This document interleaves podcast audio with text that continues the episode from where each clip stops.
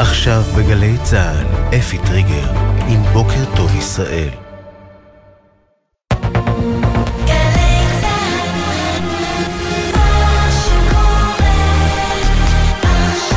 גלי צה"ל, שש בבוקר.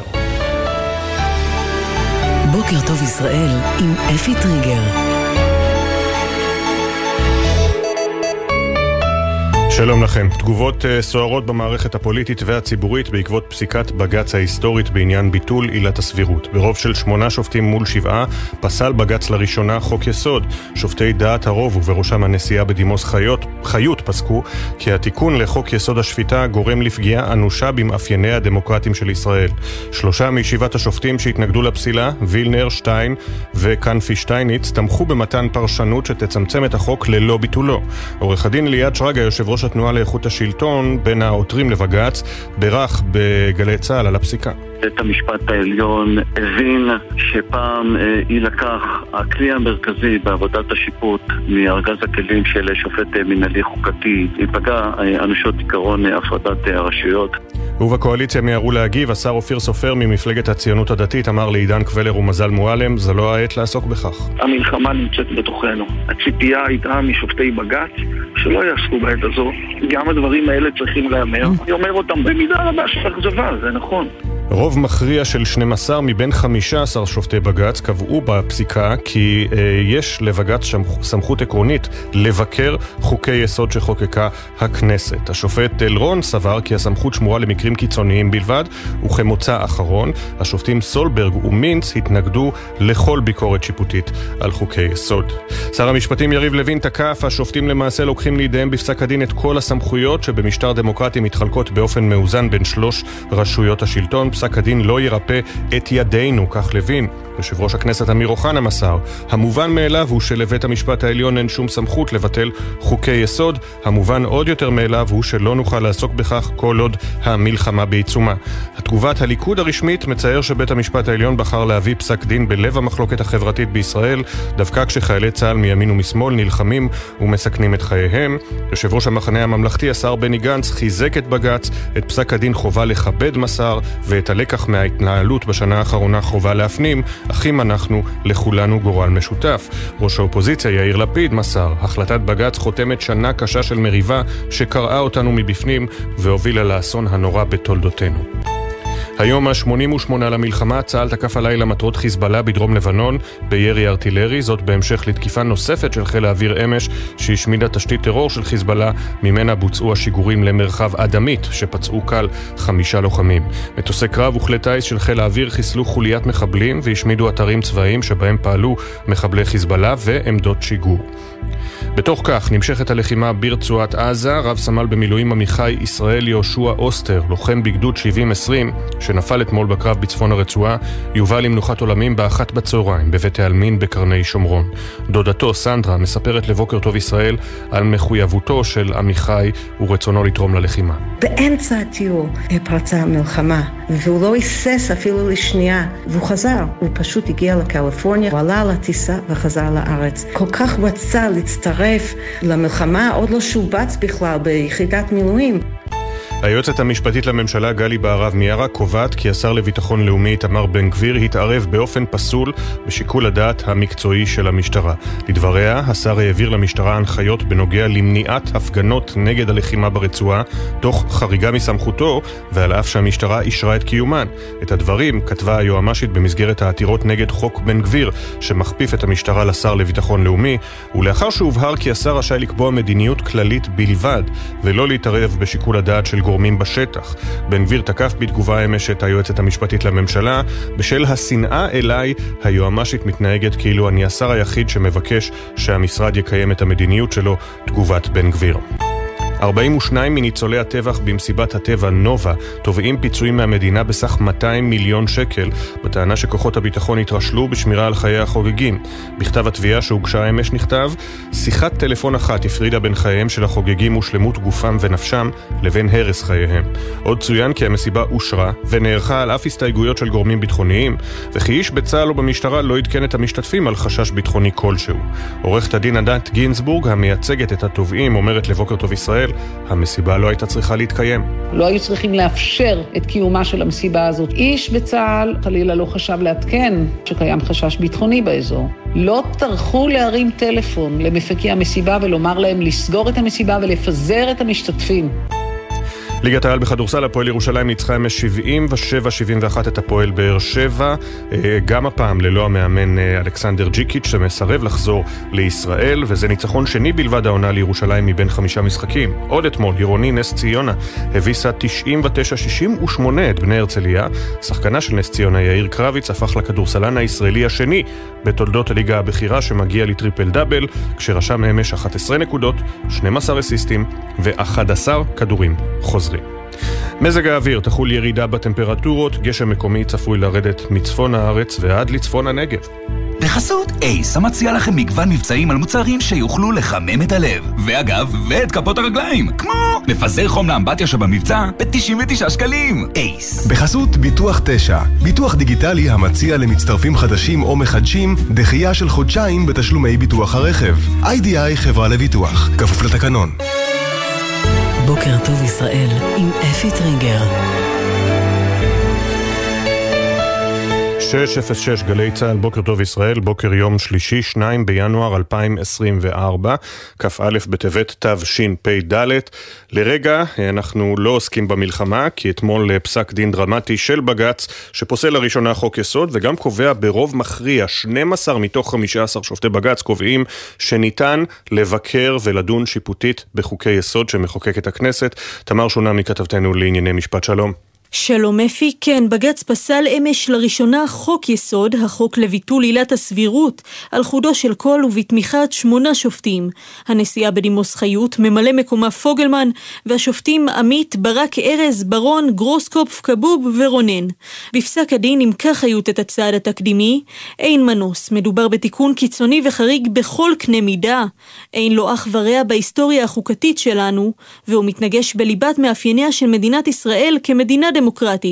הנשיאה בדימוס גם התייחסה לפרסום פסק הדין בצל המלחמה וכתבה, גם בשעה הקשה הזו, על בית המשפט למלא את תפקידו ולהכריע בסוגיות המובאות לפתחו. בדעת המיעוט המתנגדת לפסילה, שבעה שופטים, סולברג, מינץ, אלרון, וילנר, שטיין, כשר וקנפי שטייניץ.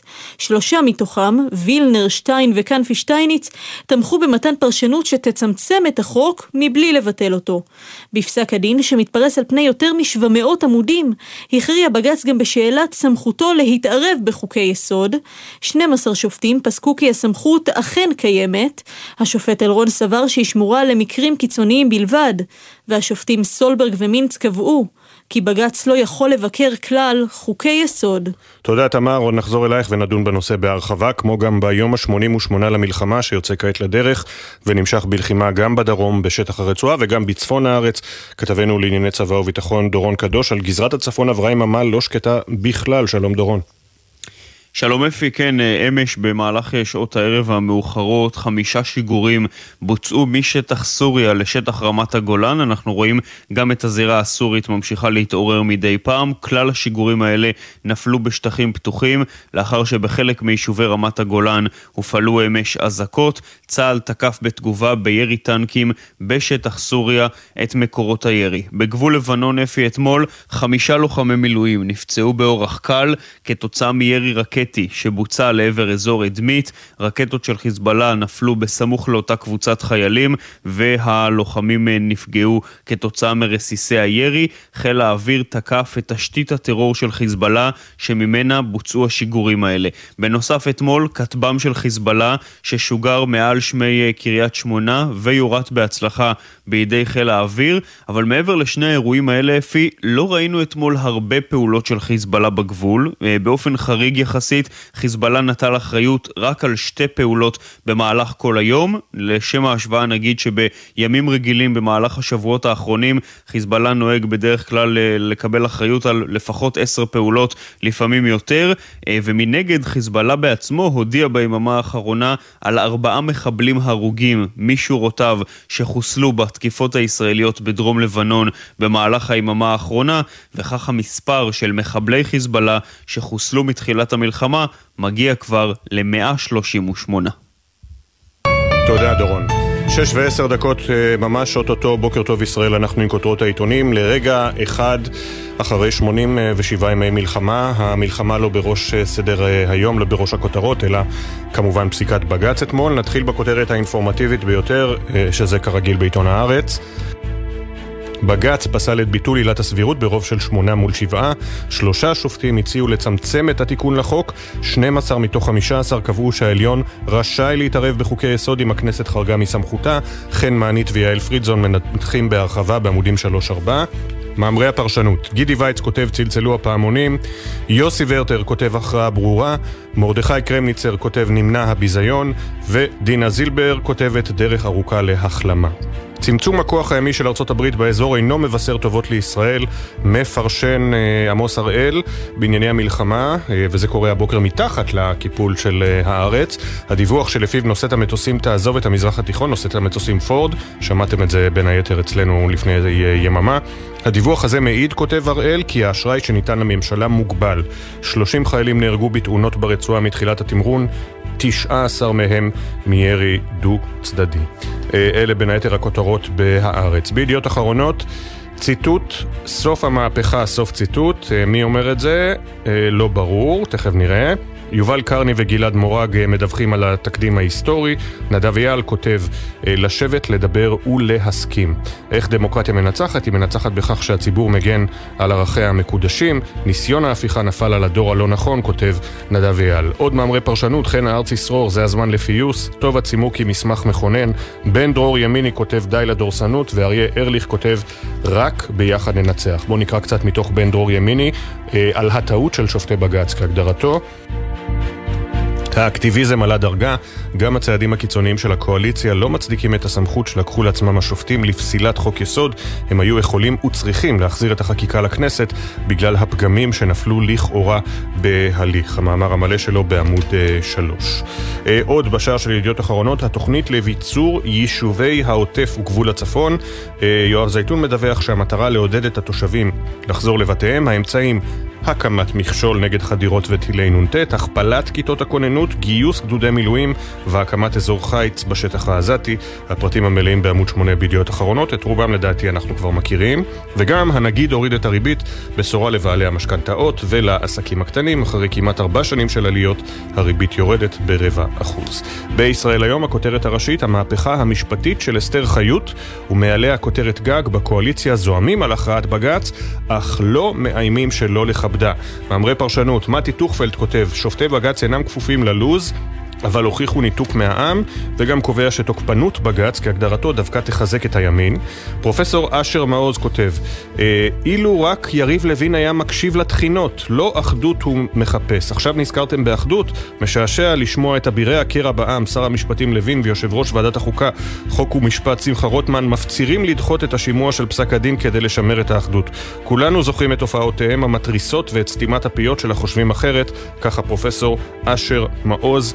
בעמוד 5 בישראל היום. יהודה בלנגה כותב, נלחמים עם עין עצומה ויד מאחורי הגב, ארצות הברית שוב לוחצת על ישראל, זה כבר ענייני המלחמה, ודנה בן שמעון כותבת, תנו להם לברוח, המונים מעוניינים להגר מעזה, כי אין שם עתיד. עוד בשער של ישראל היום, צה"ל נערך מחדש בתוך רצועת עזה, משלחת ישראלית יצאה לקהיר לדיונים ביוזמה המצרית להפסקת אש. אילן וייס מקיבוץ בארי, שהוגדר נעדר מאז 7 באוקטובר, נרצח. בכל העיתונים גם מופיעה תמונתו של רב סמל במילואים עמיחי ישראל יהושע אוסטר, שנפל אתמול, שמו הותר אמש לפרסום. הוא יובא למנוחות באחת בצהריים בבית העלמין בקרני שומרון. אמ, הוריו של אה, אליש, סמל ראשון במילואים אלישע יונתן לובר, זיכרונו לברכה, מיצהר, מתראיינים לישראל היום ואומרים אנחנו, משפחות השכול, נקבע את גבולות השיח, הורידו את גובה הלהבות, כך הם אה, קוראים לכולנו. אה, הראיון המלא בעמודים 12-13, יפעת ארליך מראיינת אותם. אנחנו, משפחות השכול, נקבע את גבולות השיח, אה, עברנו את שלב הסיסמאות, צריך לגבש אמנה שתגדיר מחדש את ההסכמות, ורעייתו תחיה, רעייתו של אה, האבא, תחיה, האם השכולה מחזקת, אם לא נעשה זאת, אויבינו ירקדו עם זיקוקים בשמיים, הם מאושרים כשאנחנו רבים. במעריב. המהפכה החוקתית השנייה, זו הכותרת הראשית, לראשונה בתולדות המדינה. בג"ץ הודיע על ביטול תיקון לחוק יסוד. בן כספית כותב על מהפכה שנייה, גם כן, הדמוקרטיה ניצחה אתמול, זה לא ניצחון סופי, אבל הוא מסמן תקווה. הוא בא בדיוק בזמן כשנגד ישראל מוגשת תלונה על פשעים נגד האנושות ורצח עם בבית הדין הבינלאומי בהאג. עד היום נדחו התביעות הללו בזכות מעמדה של מערכת המשפט הישראלית. ההתאוששות שלה אתמול מעבה את ההגנה, כותב אה, בן אה, כספית במעריב. עוד בשער 29 לוחמים נפלו כתוצאה מירי דו צדדי ותאונות ואנחנו עם הג'רוזלם פוסט, כאן התמונה בשער מההלוויה של קונסטנטין סושקו אתמול בתל אביב, לוחם המילואים בן ה-30 ששירת בגולני. הלווייתו אתמול בתל אביב, המשפחה אבלה ולוחמים מצדיעים על הקבר. מצד שמאל, הכותרת בנק ישראל מוריד את הריבית ברבע אחוז, ומצד ימין, High Court strikes down divisive law in 8 to 7 vote, בג"ץ מבטל את, הפסיק, את החוק המפלג בפסיקה של, ברוב של, של שמונה מול שבעה. ביתד נאמן, החברה החרדית על חודו של כל בג"ץ פסל חוק יסוד, מהפכה משפטית דרמטית, צעד חסר, צעד חסר תקדים, כך מגדירים זאת, ורבנו מרן הגאון רב לנדו שליטה במסעות קודש בירושלים, כולם יודעים שכל העולם עומד רק על תורה, ובפרט המצב בארץ ישראל שאין לה שום זכות קיום, שום קיום בלי זכות התורה. הדברים המלאים שלו, ישראל רוזנר מביא אותם בעמודים 40-41 ביתד נאמן. אנחנו בהמשך נחזור עם כותרות נוספות, כלכליות וציטוטים נוספים מהרשת, בינתיים המשך הדיווחים שלנו.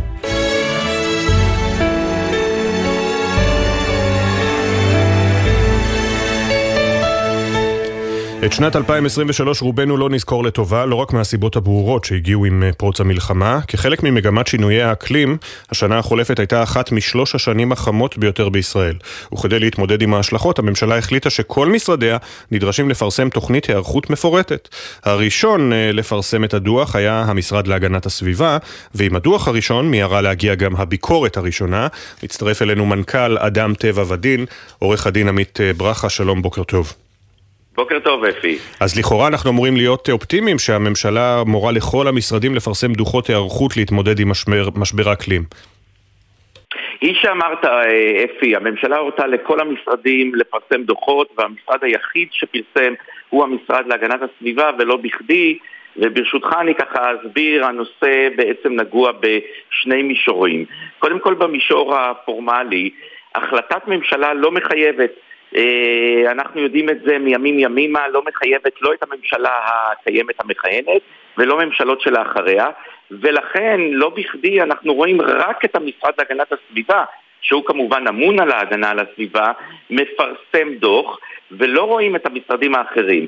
כעת, אנחנו יודעים שמשבר האקלים לא, אה, עניינו לא עניין של המשרד להגנת הסביבה בלבד, אלא של כלל משרדי הממשלה. יש פה השלכות בריאותיות והשלכות על החקלאות ועל האנרגיה ועל החיים היומיומיים שלנו, תחום התחבורה וכולי, ולא בכדי רואים רק את המשרד להגנת הסביבה אה, עושה את זה, וזה בעצם מעיד על מה שאנחנו אומרים כבר שנים רבות, שישראל חייבת חוק אקלים. בהיעדר חוק אקלים אין חובה לקדם תוכניות, אין חובה לתקצב אותן, וזה מה שקורה כרגע גם עם התוכנית הזו. אבל הציגה השרה סילמן חוק אקלים חדש, לא? הציגה הצעת חוק אקלים מאוד מאוד לא שאפתנית, נוטה, אה, מוטה אה, אנרגיה, מוטה אינטרסים כלכליים צרים, אה, הצעת חוק שעל פיה את היעדים שהם ממילא לא שאפתניים אפשר לשנות במחי יד על ידי ביטולם או, או, או ממש הפחתתם מבלי שתהיה על כך גם ביקורת של הכנסת. הצעת חוק ממש לא מתוקצבת ועדיין שוב, כמו שאנחנו אומרים, בגדר הצעת חוק המלחמה פרצה כמובן ולכן זה גם לא קודם. אבל ברשותך אני ככה אתייחס באמת לתוכנית עצמה של המשרד להגנת הסביבה וזה בעצם המישור השני שעליו יש, יש לנו ביקורת על התכנים עצמם. תראה, התוכנית הזו היא בעצם תוכנית שיותר מסבירה ונותנת תמונת מצב כאילו מבקר המדינה כתב אותה במובן של הנה הביקורת, הנה מה שקורה כרגע בישראל, אבל המשרד להגנת הסביבה אמור לתת פתרונות ואין פתרונות כאלו בתוכנית הזו. אין התייחסות לדוגמה לצורך בהפחתת ימי, הפחתת האיי חום העירוניים שלנו. מה זה אומר איי חום עירוניים? זה אומר שהמדינה מתחממת. בצורה קטסטרופלית, הייתי אומר, פי שתיים מאשר הממוצע העולמי. ולצורך כך צריך לייצר מנגנונים של הצללה, של נטיעת עצים, רגולציה לנושא הזה, כן? תוכניות מתאר חייבות סקר אקלימי, תוכניות ש, של בנייה לשכונות מגורים, מחייבות סקר אקלימי, כל זה בעצם לא קיים, לא נעשה בפועל, כך שזה בסדר שמדברים על זה ושצריך לעשות את זה, אבל בפועל הדברים הללו לא נעשים. דבר נוסף שכמובן מאוד מאוד חמור אה, זה הנושא של עליית מפלס פני הים. המשרד להגנת הסביבה אה, מפרסם בין היתר את אה, המצב החמור של עליית מפלס פני הים כתוצאה מההתחממות הגלובלית פה בארץ, mm-hmm. אבל הוא, לוק... הוא לוקח את התרחיש הפחות קיצוני, והוא שעד שנת 2100 מפלס פני הים יעלה בקצת יותר ממטר, כשהתרחיש הקיצוני יותר, על פי חוות דעת אה, המכון לחקר ימים ואגמים, זה למעלה משני אה, מטרים. שוב, מה זה אומר? זה אומר שחשוב מאוד בתקופה כזאת של משבר אקלים קיומי להתייחס לתרחיש היותר קיצוני ולהיערך אליו אה, בבחינת אה, אה, ממש לדעת שאנחנו ערוכים כן. לרע מכל בכל מה שנוגע אה, למשבר האקלים. עכשיו, אני רוצה לשאול אותך, לדעתי כבר שאלתי אותך בעבר גם אה, אנשים נוספים בתחום הזה ברעיונות נוספים. למרבה מזלנו, שלא לומר ברוך השם, אנחנו לא סובלים מהמחלה הנוראית של מדינות כמו למשל ארצות הברית, שבה יש פלח נכבד באוכלוסייה שלא מאמין בכלל שמשבר האקלים הוא עניין אמיתי. אצלנו כולם מאמינים בימין ובשמאל, או הרוב המוחלט מאמינים בימין ובשמאל, בנתונים המדעיים של משבר האקלים. אז למה לא מתקדמים בקצב הראוי? בחקיקה, בעבודה. לחלוטין, אה, קודם כל, אפי, אתה צודק לחלוטין, אה, ואלה החדשות הטובות. זאת אומרת, אה, אצלנו אין ימין ושמאל אה, באופן עקרוני, או לפחות עד לממשלה האחרונה, בכל מה שנוגע למשבר האקלים. לא מתקדמים מכיוון שיש לובי חזק מאוד של שני גורמים. האחד זו התעשייה המזהמת, והשני זה האוצר. וברגע שהלובי הזה, שני הלובים הללו, מפעילים את כל כובד משקלם, אז לא מתקדמים ומסתכלים רק על הטווח הקצר, ולמרבה הצער, השרה סילמן, השרה להגנת הסביבה הנוכחית, משתפת פעולה, ואני חייב לומר את זה, ראינו את זה פשוט עובדתית, עם השר סמוטריץ', שר האוצר, אה, בכדי לבלום פעולות אה, ראויות מבחינה סביבתית ואקלימית. ראה את מה שקרה עם ביטול המס על הכלים החד פעמיים. ראה את מה שקורה mm-hmm. כרגע כאשר משרד האוצר ביטל 200 מיליון שקלים להיערכות אקלים, אה, קיצץ בעצם 200 מיליון שקלים מתקציב המשרד להגנת הסביבה, ולכן אנחנו מדברים על התוכנית, המשרד להגנת הסביבה מציג את התוכנית אה, להפחתת, אה, סליחה, להיערכות אקלימית, אבל את הכסף אנחנו מקצצים כן. במקביל, ולכן אה, אנחנו נמצאים בבעיה מאוד חמורה. אגב, למה אתם לא עותרים למשל לבג"ץ, אפרופו השעות האחרונות שעוברות עלינו, אה, לחייב את, הממשל... את משרדי הממשלה להגיש אה, תוכנית עבודה? אז תראה, אנחנו בהחלט שוקלים, ואמרנו את זה גם למשרד להגנת הסביבה, לעתור לבג"ץ על כך שלא מקדמים חוק אקלים לישראל, על אף כל האמירות וההבטחות, מכיוון שזה חוק קיומי, זה עוסק בחיי היום-יום של כולנו. אתה יודע, ביטחון תזונתי והצורך בהפחתת אה, זיהום אוויר שהוא גם בסוף גורם לפליטת גזי חממה. אה, כל הדברים הללו, אנחנו אה, בהחלט שוקלים, הם, הם הכרחיים. לקיום היומיומי שלנו, הפחתת זיהום אוויר מתחבורה לדוגמה. ואנחנו שוקלים mm-hmm. הגשת עתירה לבג"ץ כנגד אי קידום חקיקת אקלים. אגב, בוודאי בתקופה של מלחמה אנחנו יודעים שכל הדברים הללו שאנחנו מדברים עליהם, שהזכרנו עכשיו, מועצמים, מועצמים, אנחנו זקוקים יותר לביטחון אנרגטי ולביטחון מים ולביטחון תזונתי, מלחמות רק מעצימות את מה שהטבע והתעשייה המזהמת אה, עושים ממילא, כן. אה, ואנחנו חייבים לתת לזה מענה, וכרגע ממשלת ישראל, אני חייב לומר, היא הממשלה הגרועה ביותר, הזו, אה, לסביבה. לסביבה. מזה אה, שנים, כן. אה, עורך הדין עמית ברכה, מנכ"ל עמותת אדם טבע ודין, תודה רבה שדיברת איתנו. בוקר טוב. תודה רבה אפי, תודה, בוקר טוב. והנה אנחנו אה, ב...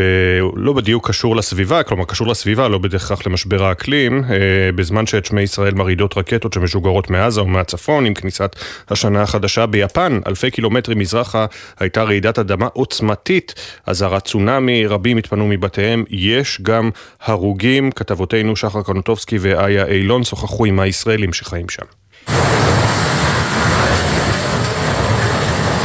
עם שחר השנה החדשה בארץ השמש העולה, רעדה האדמה אתמול בעוצמה שעוררה אזהרות צונאמי עד מזרח רוסיה, ניתקה עשרות אלפי בתים מחשמל וגבתה עד כה את חייהם של לפחות 12 תושבים.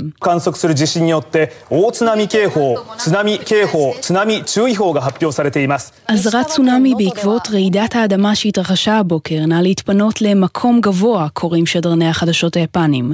לראשונה מאז רעידת האדמה והצונאמי שאירעו ביפן בשנת 2011, פרסמו הרשויות אזהרת צונאמי חמורה, שלבסוף צומצמה על ידן, זאת לאחר שרעש האדמה הגיע לעוצמה של 7.6 והביא להרס של מבנים רבים. הדס ונועם, ישראלים שגרים בקיוטו, הרחוקה מעט מהמחוז בו התרחשה הרעידה, מתארים את המצב הדרוך ביפן. ישבנו בקומה השנייה והבית רעד במשך כדקה בעוצמה חזקה. התחושה הכללית היא לא טובה, משתוללות שריפות באזור אישיקאווה. מצפים לרעידות נוספות בשבוע הקרוב. אנשים העלו הרבה סרטונים של הנזקים שנעשו, כבישים הרוסים, מקדשים שנפלו בהם, הקירות ועצים. זאת לא הפעם הראשונה בחודש האחרון שהאקלים הקיצוני נותן את אותותיו. רק לפני שבועיים אירעה רעידת אדמה בסין, שגבתה מאות הרוגים, ובמקביל באיסלנד אירעה התפרצות הר געש. רק התחילה השנה ואין לדעת מה הטבע עוד צופן לנו בהמשכה. כמעט 6.27 כותרות uh, כלכליות, כל העיתונים כמובן הכלכליים עוסקים בהורדת הריבית אתמול, יש טוענים מפתיעה של uh, נגיד בנק ישראל. מיד תהיה איתנו מנהלת האגף המוניטרי בחטיבת המחקר, אחרי החצי, כדי uh, לדבר על כך. אז נקרא כותרות כלכליות שאינן קשורות לריבית. למשל, שושנה חן מדווחת שמכירות הקולה זירו בישראל עקפו ב-2023 את הקולה הקלאסית. גם בלי המס, הישראלים ממוקמים בצמרת העולמית בצריכת משקאות ללא סוכר. הכתבה מלאה בעמודים 6-7 בממון, המוסף השבועי של ידיעות אחרונות, ממון שלישי. הנה כותרת שתעצבן את כולם לדעתי. מסתמן, עסקים יפסיקו לקבל פיצויים למרות המשך הלחימה, כך מדווח בלעדית אורן דורי בגלובס. למרות הערכות שהלחימה בעזה תישאר בעצימות גבוהה גם בינואר, הכוונה המסתמנת באוצר היא לא להאריך את מתווה הסיוע לעסקים בכל הארץ. בכירים באוצר מסבירים כי, הנתונים, כי נתונים על היקף העסקאות באשראי ומספר המובטלים העדכני מצביעים על התאוששות במשק וחזרה לשגרה. אם אכן יוחלט להפסיק את המתווה, רק עסקים שנמצאים באשקלון ובמרחק של עד 7 קילומטרים בדרום ועד 9 בצפון יקבלו פיצויים. הפרטים המלאים בגלובס בעמוד 4. בכלכליסט, כאמור אנחנו לא קוראים את ענייני הריבית. סופי שולמן מדווחת על צניחה של 41% בגיוסי סייבר ב-2023, זינוק במספר האקזיטים, ב-30% הוא קפץ. בתוך יום הצטרפו להעלאות המחיר של שסטוביץ גם בית השיטה, יכין וסוגת, מדווחת נורית קדוש, וקובעת אין מי שיבלום את תיאבון הספקים. בדה מרקר אה, אוקיי, זה קשור לריבית, אבל זה עדיין מעניין. לא חיכו לנגיד, הבנקים הורידו את הריבית כבר מזמן. אה, בנק ישראל הוריד אתמול את הריבית ברבע אחוז. מנגד, בחודשים האחרונים, אה, הבנקים, אה, סליחה, הבנקים התמהמהו זמן רב לפני שגלגלו זאת לחסכונות הציבור, אבל בחודשים האחרונים החלו להפחית את הריבית על פקדונות עוד לפני הורדת הריבית במשק. מהשבוע הבנקים צפויים להוריד פעם נוספת את התשואה המוצעת בפקדונות. כך בדה מרקר. ולפני שנצא להודעות, אה, סיפור בעולם. שגם מצטלם, כמקובל בזמננו, ויעשה הרבה מאוד רעש, כבר עושה הרבה מאוד רעש באסיה ובעולם כולו. מנהיג האופוזיציה בקוריאה הדרומית, לי ג'אי מיונג, נדקר בצווארו במהלך עצרת פוליטית בעיר בוסן, לא ברור מצבו, אבל נעצר חשוד. מה אתה שואל בן? כן, בוסן זה עיר אמיתית, זה לא רק בסרט האימה הרכבת לבוסן המשובח. בוסן זה עיר אמיתית בקוריאה הדרומית. אנחנו יוצאים לכמה הודעות, ממש 50 שניות ומיד חוזרים.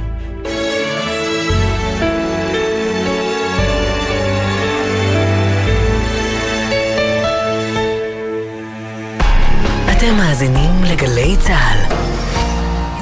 יחד במלחמה. אריאל סאט, שהוקפץ כלוחם גבעתי ב-7 באוקטובר. רושמת לי היי אריאל, האנשים המבוגרים שבתמונה זה ההורים שלי. ורציתי לו ממש, אין לי דרך להודות לך על זה שחילצת אותם החוצה, הייתי מאוד שמחה שתיפגשו. ישר שראיתי אותם, הדמעות זלגו, וחיבקתי אותם כאילו זה משפחה שלי. כתבנו את השיר הזה לחיילת יקרה, רבית אסייג, שנפלה בשבת השחורה של השביעי לעשירי. הלכנו עם זה למשפחה, אנחנו פשוט רואים את המשפחה, מתפרקים לידינו. רינו צרור הצליח להביא אלינו צוות שידור, להראות לכולם מה באמת קורה בזמן אמת. אני חייבת לציין גם את קולה של אימא, שהוא אמר לי שהם שמעו, וזה חיזק אותם ונתן להם אה, כוחות. וזו בדיוק הסיבה שאנחנו פה. גלי צה"ל, פה איתכם, בכל מקום, בכל זמן.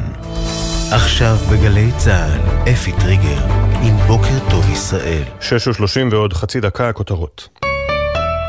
בקואליציה לא מתכננים לפעול נגד פסיקת בג"ץ ההיסטורית בעניין ביטול עילת הסבירות. התגובות במערכת הפוליטית כבר מגיעות. לפי שעה אה, בקואליציה לא מתכננים לאיים על גורל הפסיקה באמצעות חקיקה. שר המשפטים יריב לוין תקף, השופטים למעשה לוקחים לידיהם את כל הסמכויות שבמשטר דמוקרטי מתחלקות באופן מאוזן בין שלוש רשויות השלטון. פסק הדין לא ירפא את ידינו. יושב ראש הכנסת אמיר אוחנה מסר, המובן מאליו הוא שלבית המשפט העליון אין שום סמכות לבטל חוקי יסוד. המובן עוד יותר מאליו הוא של לא נוכל לעסוק בכך כל עוד המלחמה בעיצומה. תגובת הליכוד מצייר שבית המשפט העליון בחר להביא פסק דין בלב המחלוקת החברתית בישראל, דווקא כשחיילי צה"ל מימין ומשמאל נלחמים ומסכנים את חייהם. גם השר אופיר סופר ממפלגת הציונות הדתית הביע בריאיון למזל מועלם ועידן קבלר אכזבה מפסק הדין, אבל הדגיש, זה לא העת לעסוק בכך. המלחמה נמצאת בתוכנו. הציפייה הייתה משופטי בג"ץ שלא יעסקו בעת הזו. גם הדברים האלה צריכים להיאמר. אני אומר אותם במידה רבה של אכזבה, זה נכון. יושב ראש המחנה הממלכתי השר בני גנץ חיזק את uh, שופטי בג"ץ, את פסק הדין חובה לכבד מסר ואת הלקח מההתנהלות בשנה האחרונה חובה להפנים. אחים אנחנו, לכולנו גורל משותף. ראש האופוזיציה יאיר לפיד מסר, החלטת בג"ץ חותמת שנה קשה של מריבה שקרעה אותנו מבפנים והובילה לאסון הנורא בתולדותינו. כאמור, אתמול בג"ץ פסל לראשונה תיקון לחוק יסוד ברוב של שמונה מול שבעה, אבל 12 מבין 15 השופטים קבעו שעקרונית יכול בג"ץ לבקר חקיקת חוקי יסוד במקרה שהכנסת חורגת מסמכותה. השופט אלרון הוא השופט, כמעט השופט השלושה עשר בנושא הזה, הוא סבר כי הסמכות שמורה למקרים קיצוניים בלבד, וכמוצא אחרון, השופטים נועם סולברג ודוד מינץ התנגדו לכל ביקורת שיפוטית על חוקי יסוד. היום ה-88 למלחמה, צה"ל תקף הלילה מטרות חיזבאללה בדרום לבנון בירי ארטילרי. זאת בהמשך לתקיפה נוספת של חיל האוויר אמש, שהשמידה תשתית טרור של חיזבאללה, שממנה בוצעו השיגורים למרחב אדמית, שפצעו קל חמישה לוחמים. מטוסי קרב וכלי טיס של חיל האוויר חיסלו חוליית מחבלים והשמידו אתרים צבאיים, שבהם פעלו מחבלי חיזבאללה ועמדות שיגור. בתגובה לשיגורים משטח סוריה אמש, תקף צה"ל והגיב בירי טנקים אל מקורות השיגור.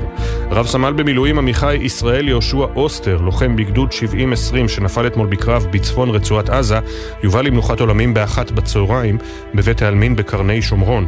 דודתו סנדרה מספרת לבוקר טוב ישראל על מחויבותו של עמיחי ורצונו לתרום ללחימה. באמצע הטיול פרצה המלחמה, והוא לא היסס אפילו לשנייה, והוא חזר. הוא פשוט הגיע לקליפורניה, הוא עלה לטיסה וחזר לארץ. כל כך רצה להצטרף למלחמה, עוד לא שובץ בכלל ביחידת מילואים. היועצת המשפטית לממשלה גלי בהרב מיארה קובעת כי השר לביטחון לאומי איתמר בן גביר התערב באופן פסול בשיקול הדעת המקצועי של המשטרה. לדבריה, השר העביר למשטרה הנחיות בנוגע למניעת מספר הפגנות נגד הלחימה ברצועה, תוך חריגה מסמכותו ועל אף שהמשטרה אישרה את קיומן.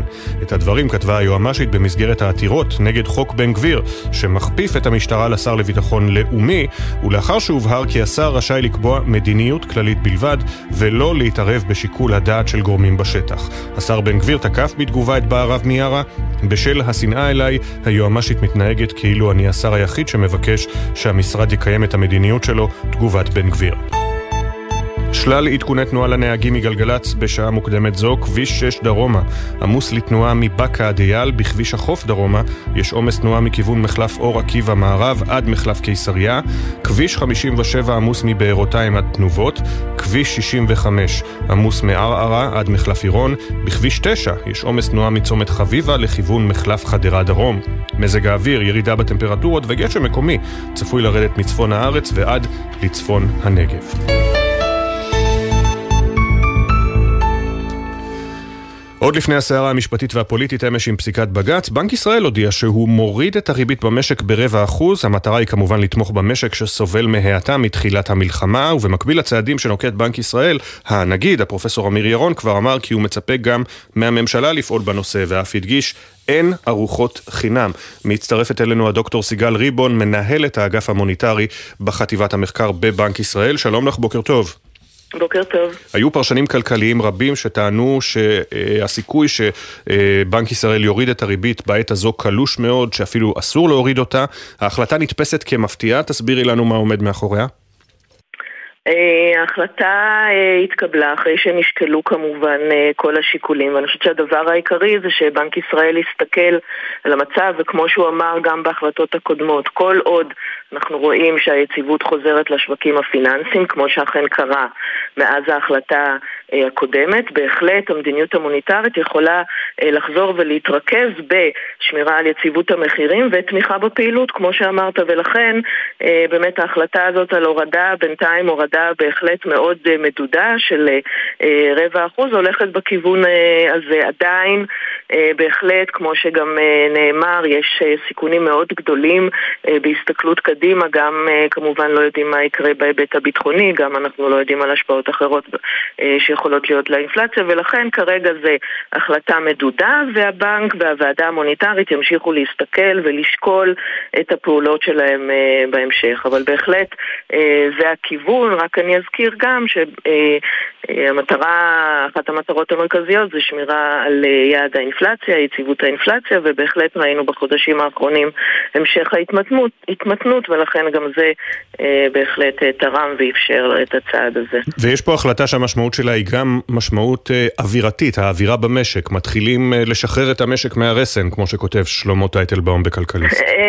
אז שוב, נכון, זה התחלה, אבל כמו שאמרתי, זו החלטה בהחלט מדודה, לוקחת בחשבון את כל הסיכונים שכמובן עדיין קיימים, כמו שאנחנו יודעים בעולם, במצב הנוכחי שלנו, ולכן כן, המשך תוואי ההורדה, ככל שיתקיים, תלוי במה שנראה, גם בפעילות, גם באינפלציה, ובהחלט גם ביציבות בשווקים הפיננסיים. אנחנו בהחלט מקווים שהיא תישמר ותאפשר לנו להמשיך בצורה מתונה ומדודה בהתאם לנתונים שהצטברו בתהליך שהתחיל בהחלט. אנחנו נמצאים בפתחה של שנה חדשה שהיא לפי כל ההצהרות הרשמיות שנת לחימה. אנחנו לא יודעים, איך אומרים הפרשנים הצבאיים, באיזה עצימות, אבל שנה שיש בה מלחמה לאורך כל השנה זה משהו חסר תקדים, לפחות מאז 1948.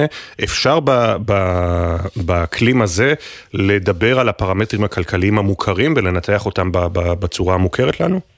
אני חושבת שחייבים ואין ברירה, וכמובן הכל נעשה תחת אה, אה, הסתכלות על המצב הנוכחי, תחת זה שלוקחים בחשבון, כמו שכתבנו, אי ודאות כמובן ענקית, כמו שאמרת, קודם כל בהיבט הביטחוני ובהשלכות שלו, אבל התפקיד של הגורמים הכלכליים, אה, ובפרט של בנק ישראל, זה להסתכל על ההשלכות הכלכליות ולדאוג שלפחות מבחינה כלכלית תישמר היציבות והמדיניות תינקט ככה שהיא תתמוך בפעילות של המשק. הרי מעבר לקושי הביטחוני, חשוב לשמור על, על המשך הפעילות של המשק, אה, המשך כמובן פרנסה של אנשים, אבטלה אה, נמוכה ויכולת אה, להמשיך ולקיים את הדברים הבסיסיים וגם ככל שניתן צמיחה של המשק, בהחלט חייבים, חייבים להסתכל גם על זה, תוך כדי שלוקחים בחשבון את המצב הנוכחי, שכמו שאתה אומר הוא מאוד מאוד יוצא דופן. עד כמה, עד כמה באמת כשאתם שוקלים את ההחלטה הזו של להוריד ריבית, אתם מאזנים בין צורכי המשק שלנו לבין המבט החוצה אל חברות הדירוג, אל האנשים שמסתכלים על הכלכלה הישראלית hullem בהחלט מאזנים, בהחלט מסתכלים על כל הגורמים, ושוב, בנק ישראל פועל תמיד מתוך מטרה אה, לשמור על היציבות של המשק, כמו שאמרנו גם בהחלטות הקודמות, הדבר המרכזי היה אה, באמת לבדוק ולראות שהיציבות הפיננסית נשמרת, כי זה מאוד חשוב. כמו שאנחנו רואים, המצב כרגע אה, בשווקים הוא יותר יציב, ולכן אה, זה מאפשר, חברות הדירוג בהחלט מסתכלות עלינו ובוחנות אותנו, גם את המדיניות המוניטרית, גם את המדיניות הפיסקלית, אה, ובהחלט עושים את הדבר הנכון, וכשעושים את הדבר הנכון, אה, אז גם חברות הדירוג וגם השווקים השווקים מבינים את זה ומגיבים בהתאם. אה, ועכשיו כמובן נשאלת השאלה למה התכוון הנגיד כשאמר לממשלה ספק באזהרה אין ארוחות חינם.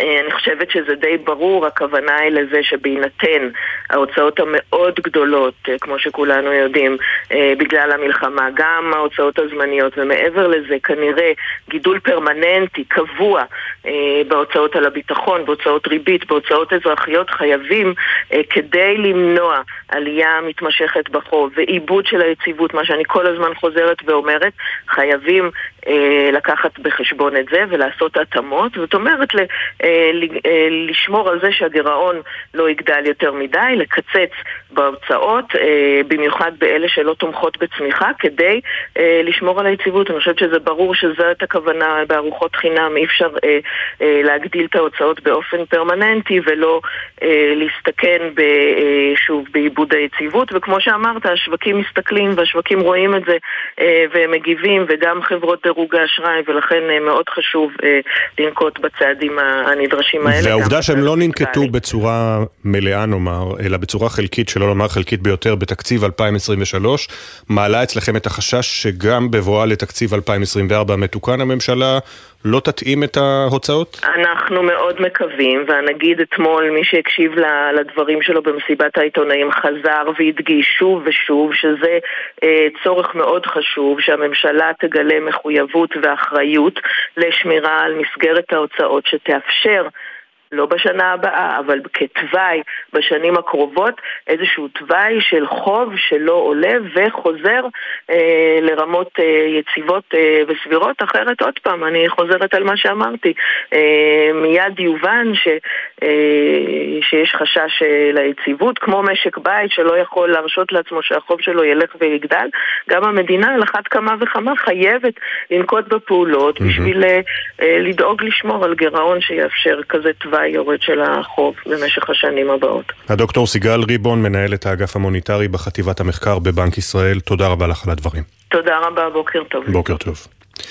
אנחנו ממשיכים הבוקר במיזם שלנו מאחורי השמות. מדי בוקר אנחנו מספרים כאן משהו קצר על כל נרצח ונופל, אנקדוטות שאת חלקן בני משפחה וחברים שלחו לנו.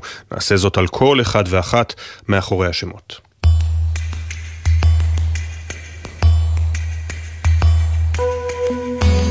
רב סמל בכיר במילואים יחזקאל עזריה, בן 53 מפתח תקווה, היה לוחם שריון בגדוד 129 בחטיבה 8, נפל בפעילות מבצעית במרחב מרגליות סמוך ללבנון. התיק של יחזקאל, שהתעקש להתנדב למילואים, היה ממש כמו תיק הפלאים של מרי פופינס, וכל מי ששכח משהו, כל דבר, ידע שבדרך קסם יחזקאל ישלים לו את החסר. סמל רון שרמן, בן 19 מלהבים, היה מש"ק תיאום וקישור במת"ק ארז, נרצח בשבי חמאס לאחר שנחטף לרצועת עזה, וגופתו הושבה ארצה. החדר של רון היה מעוטר בצבעי תכלת ולבן של נבחרת ארגנטינה, ובפרצופו של השחקן הגדול מכולם, לאו מסי. מפוסטרים, דרך בובות ועד תמונה משותפת שלהם, כשמצלמת הטלוויזיה את רון מצלם מהיציע, בהערצה.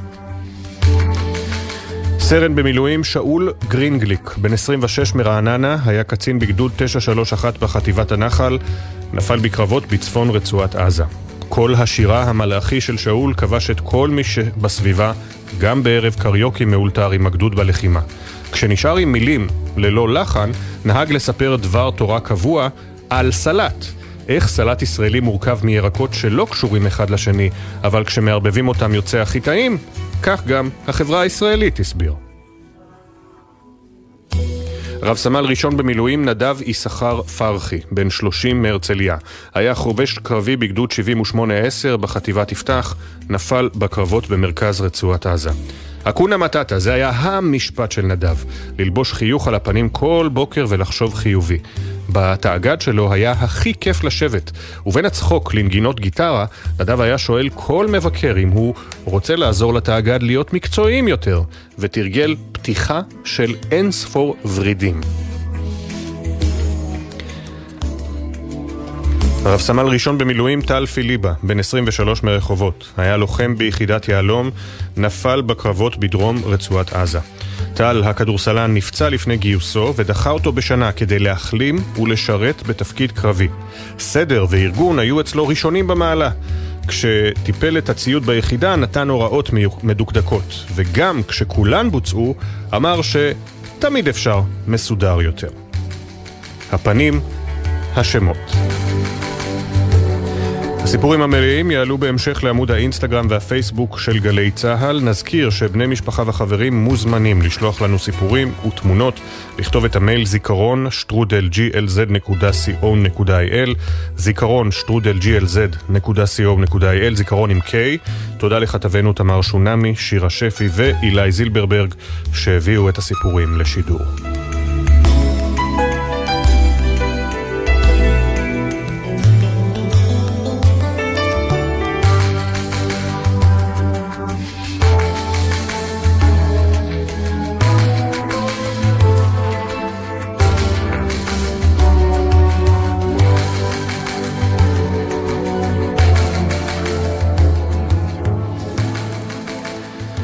על רקע הפסיקה של אה, בג"ץ אתמול וכמובן התגובות הפוליטיות הצפויות מצד הקואליציה והאופוזיציה ואחרי הניסיון להפגין אחדות בזמן המלחמה והקריאה אה, כל מה שלא קשור למלחמה לאחר כך, האם חלילה אנחנו חוזרים לשישה באוקטובר מבחינת מצב הקרע בעם או אם תרצו לדקדק לשבעה באוקטובר בשעה 6.29 בבוקר.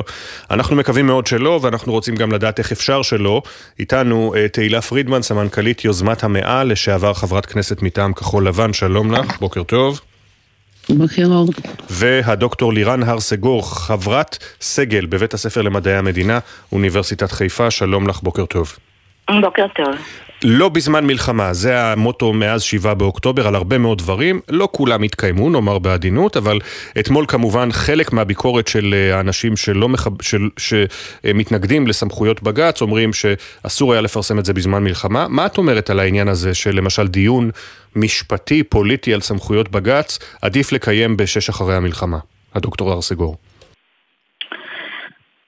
זאת שאלה האם אפשר בכלל להשאיר אה, שסעים כל כך משמעותיים בפוליטיקה הישראלית לאחרי המלחמה, מה גם שזו לא מלחמה, מלחמת בנק וגמרנו, וכמו שאמרת כבר באייטם הקודם, היא כנראה תלווה אותנו גם כל השנה הקרובה. אז אה, אם היינו בעצם תחת שסע משמעותי ודיון פוליטי כל כך עמוק וערכי בתמצית של אה, יסודות של מדינת ישראל והחברה הישראלית לפני המלחמה, אני חושבת שהציפייה לשים את כל הדברים האלה בצד לכל כך הרבה זמן, גם אה, מצד אה, בית המשפט, גם מצד החברה והאזרחים וגם מצד הפוליטיקאים, היא לא ריאלית, והאמת היא שהיא גם לא בטוח יעילה עבור החברה הישראלית עצמה. תהילה פרידמן, אותה שאלה? אני הצטערתי אה, שלא חוקקו הוראת שעה שהייתה מאפשרת את אה, דחיית הפרסום מבלי לשנות הרכב. זה דבר שאומנם דרש חקיקה והתארגנות מראש, מה שאנחנו לא מצטיינים בו, אבל היה אפשרי. אה, אני כן צריכה לומר שכן היה איפוק יחסי אתמול בתגובות, שזה שימח אותי.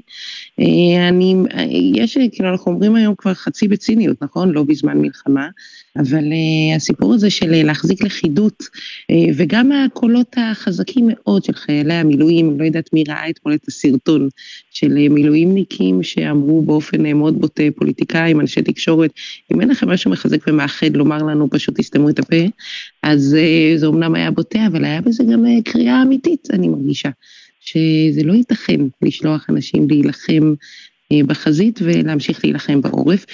יחד עם זאת, גם לא ייתכן לומר אה, זה עכשיו לזמן בלתי מוגבל. לכן בעיניי הדבר הנכון הוא אה, להחליט ביחד שמיד עם פתאום עם שחרור מילואים משמעותי, קובעים תאריך לבחירות תוך שלושה חודשים, ושם זה הדרך הנכונה לנתב את המחלוקת ואת הביקורת ואת הכעס ולבנות משהו חדש, במקום אה, להילחם ברחובות אחד בשני. כן, אם כי את יודעת, כשאנשים מסתכלים על התגובות של אתמול, שאכן היו יחסית מתונות, אז כששר המשפטים יריב לוין אומר, הם לא ירפאו את ידינו, אפשר להבין מה ההמשך. אה, אנחנו נחזור לזה אולי גם בשש אחרי המלחמה. תראה, אני חושבת שהדבר הראשון שתעשה הממשלה הבאה, שהיא מרצה שם אני מקווה תראה מאוד אחרת, תהיה ממשלת אה, מרכז, אה, כאילו תחזיר את הכוח מהקצוות אל המרכז הציוני, שמאמין ביהודית דמוקרטית. הדבר הראשון שהיא תעשה, צריך להיות אה, חוק יסוד חקיקה ולעשות סדר ולקבוע איך מחוקקים חוק יסוד ומה, איך מבטלים, וכאילו לקבוע את הדברים האלה שאנחנו יודעים שנדרשים ולעשות את זה מתוך הסכמה רחבה. אה, זה בוודאי לא סוף פסוק, זה בוודאי, זה לא יכול להיות סוף פסוק, שנושא אה, כל כך משמעותי נמצא במחלוקת כל כך קשה, אז הפינג פונג הכוחני של הורדות ידיים, אה, אין בו, לא יכול להיות בו ניצחון, חייב להיות חקיקה בהסכמה רחבה. הדוקטור ארס גור הזכירה תהילה פרידמן את אה, אותו סרטון אתמול של המילואימניקים, אה, על אה, כך שאם אין לכם מה להגיד משהו טוב תשתקו, פוליטיקאים ועיתונאים.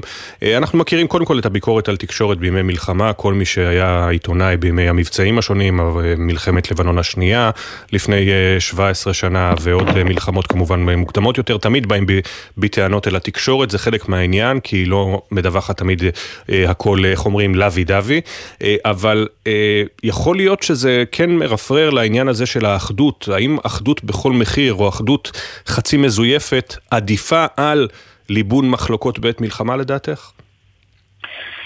אני חושבת שהסרטון של המילואימניקים שראינו אתמול הוא סרטון והוא משקף קריאות אה, בוודאי אמיתיות ואותנטיות. לא בטוח שהוא משקף את כל המילואימניקים, דרך אגב, שנמצאים אה, כרגע בשדה הקרב, כי יש גם הרבה מילואימניקים שמספרים דווקא על דיונים פוליטיים שהם עצמם מקיימים אה, תוך כדי המילואים, משום שהם עדיין אזרחים תוך כדי ויש להם עמדות לגבי הנושאים. אני חושבת אבל שכמו שמילואימניקים יכולים לדון בפוליטיקה בינם לבין עצמם, אה, גם כשהם מאוכלוסייה מגוונת, כי הם אה, סומכים אחד על השני ומאמינים ב, אה, בכוונות הטובות אחד של השני לגבי אה, גורל המדינה, כך גם בחברה הישראלית היינו יכולים, יכולים לקיים דיון ציבורי, פוליטי, בעמדות קונקרטיות אם הם לא היו, אם הדיון הזה לא היה מלווה גם בכוסות התרעלה שנשפכות פה על ידי פוליטיקאים. אני חושבת שדיון פוליטי גם בעת מלחמה הוא מאוד מאוד חשוב, גם כי אנחנו חברה דמוקרטית ואין לנו אחדות דעים ואין אה, עמדות אה, ככה שהן חוצות אה, בכל הנושאים, וגם משום שהרבה מהעמדות המדיניות הן רלוונטיות למלחמה עצמה. גם השאלה של החטופים, גם השאלה של מה יהיה בעזה ביום אחרי, גם לגבי כמה להמשיך את המלחמה, אלה שאלות שהן שאלות מדיניות, שגם לאזרחים יש עמדות אה, בנושאים האלה. אנחנו, עמדה, אנחנו מדינה דמוקרטית ולכן הממשלה גם מתחשבת בדעת הקהל. כך זה צריך להיות. אם התקשורת לא תעסוק בנושאים האלה והפוליטיקאים לא ידברו עליהם, שוב, ממקום ענייני, גם לציבור יהיה קשה לגבש את העמדות הפוליטיות בנושאים האלה. וכשתגיע עת הבחירות אחרי המלחמה או מתי שהיא תגיע, אנשים שם יצטרכו לגבש תפיסת עולם ערכית בשביל לדעת אה, במי הם רוצים לבחור. אם הפוליטיקאים ישתקו, אז גם לאזרחים יהיה מאוד קשה לגבש את העמדה במי לבחור ולאיזה צד הם משתייכים. אבל איפה עובר הגבול לדעתך? זה גבול מאוד מאוד עדין. אבל uh, אנחנו גם נמצאים ב... צריך לזכור, אנחנו הגענו לשבעה באוקטובר uh, מתוך משבר פוליטי גדול מאוד, שאולי הגדול מאז uh, קום המדינה. אז בוודאי שאנחנו לא יכולים לצפות שהמשבר הזה פתאום ייעלם. אבל המשבר הזה נסוב רוב החודשים האלה סביב הזהות הדמוקרטית של המדינה, ושסביב זה התגבש מחנה שקרא לעצמו מחנה ליברלי, את הסוגיות של הסכסוך הישראלי-פלסטיני שמו בצד, וזה היה נוח במובן מסוים. שבעה באוקטובר החזיר לנו את הסוגיות האלה ממש אה, אל הבמה, ועכשיו אנחנו נאלצים באותו זמן גם להתעסק בשאלות קרדינליות לגבי אופי הדמוקרטיה הישראלית, אבל גם לגבי שאלות קרדינליות לגבי גבולות המדינה, מהי מדינה יהודית, וזה מאוד קשה, אבל חייבים לעסוק בזה. תהילה פרידמן, עמדתך? כן, זה קצת כמו במלחמה, נכון? יש לנו יותר מהזירה בעזה, יש אה, זירה צפונית, וגם על זה יש מחלוקת האם צריך לעשות את זה בו זמנית או אחד אחרי השני. כי יכול להיות שיש גבול לכמה זירות חברה אחת מסוגלת להחזיק. אז אני נוטה לחשוב, אני בוודאי מסכימה שלא צריך לשתוק במהלך מלחמה וחברה דמוקרטית והדיון בה הוא טוב. מצד שני החברה הישראלית איבדה לצערי את היכולת לנהל דיון ענייני ומבוסס אמון, ובאמת השיח הציבורי רעיל מאוד וחייבים לתקן את זה. אני חושבת שזה ניתן לתיקון, אני חושבת שכרגע לקפוץ ראש לתוך זירה נוספת זה דבר מסוכן. ולכן אני, אני בעד להתמודד עם הזירה הזו, אני רק חושבת שלא בו זמנית. אני אגב לא יודעת אם אני חושבת אותו דבר צבאית, אין לי מספיק ידע בשביל לומר את זה, אבל אני, אני רואה דמיון בין שתי הסוגיות. כשאת למשל כראש מרכז ליבה וסמנכ"לית יוזמת המאה מדברת עם האנשים, נקרא לזה, אני יודע שזה קצת שאלה טיפשית, אבל בכל זאת, מדברת עם האנשים בשטח, עם האזרחים. את מזהה חדירה של הרעל ברשתות החברתיות, כמו שהגדירה אותו הדוקטור לירן ארסגור, אגב, משני הכיוונים הרעל הזה קיים. את מזהה חדירה שלו, ל, ל, ל, נקרא לזה, ל, לשיח של האנשים ברחוב? כרגע או בכלל? בכלל בוודאי. לפני שבעה באוקטובר ואחריו, נגיד ככה. לפני שבעה באוקטובר בוודאי. התחושה שאנשים לא, לא מייחסים כוונות טובות לצד השני, ולא מצליחים לראות את הרצון בתיקון, אלא התחושה היא מאוד מאוד מאוימת. מה זה אנשים? אני בעצמי גם. בשנה האחרונה הייתה לי, הרגשתי מאוימת על דברים שחשובים לי, על אורח חיים, הייתה, כאילו, הוטל ספק ביכולת לחיות ביחד, זה דבר נורא נורא דרמטי למדינה, דובר על פיצול, על קנטונים, על ככה. עכשיו, ברור שזה חודר. יש משהו ב, ב, בלהתווכח לא על עמדה והצעה, אלא על זהות. שהוא שולל את, את האדם, לא את מה הוא מציע ומה הוא חושב. בכלל, אנחנו לא מצליחים לעשות את ההפרדה הזו בין זה מה שאני מציע כפתרון לנושא, לבין מי אני. ונהיה זיהוי מוחלט. וזה דבר נורא נורא אה, בעייתי ומסוכן. אני גם רוצה לומר שזה קשור לכל הסיפור הזה של הכרעה. זאת אומרת, יש סוגיות שבהן אה, אסור לנצח, בוויכוח פנימי אסור לנצח. צריך אה, להגיע, לגבש הסכמה רחבה סביב משהו, היא לא מוחלטת, היא לא, לא כולם יהיו מרוצים, כן, יהיו בה הרבה פשרות, אבל היא, היא הדבר שמאפשר את, ה, את הקיום המשותף. ובה אני יודעת שיש הרבה בוז כלפי ה... זה נשמע כמו טשטוש וככה, אני חושבת שכמו בתוך משפחה, אסור ללכת עד הקצה ואסור, ואסור לנצח. הדוקטור הרסגור, לסיום, אסור לנצח? זה מורכב, אני חושבת ש... השאיפה צריכה להיות להגיע להסכמות על הערכים, על ערכי הליבה המשותפים. על דברים, אפשר לדבר על דרכים, איך לממש מטרות משותפות, אבל אם לא מצליחים להגיע להסכמות על המטרות המשותפות של חלקי החברה הישראלית, שם יהיה קשה לנצח ביחד. כמובן. אני מאוד מודה לשתיכן, הדוקטור לירן ארסגור, חברת סגל בבית הספר למדעי המדינה, אוניברסיטת חיפה, וחברת הכנסת לשעבר תהילה פרידמן, סמנכ"לית יוזמת המאה וראש מרכז ליבה. תודה רבה לשתיכן. אנחנו כמובן נעסוק בהרחבה בפסיקה של בג"ץ אתמול בתגובות בעד ונגד. יהיו איתנו שר החינוך יואב קיש מהליכוד ודינה זילבר, לשעבר המשנה ליועץ המשפטי לממשלה לענייני משפט ציבורי ומנהלי. כמובן נתעדכן גם בהמשך הלחימה בעזה, בגבול הצפון, והביקורת הרבה של מתיישבים מפונים שטוענים איך אפשר בכלל לדבר איתנו על חזרה ברגע הזה ליישובים שלנו בצפון או בדרום. מיד חוזרים עם השעה השנייה.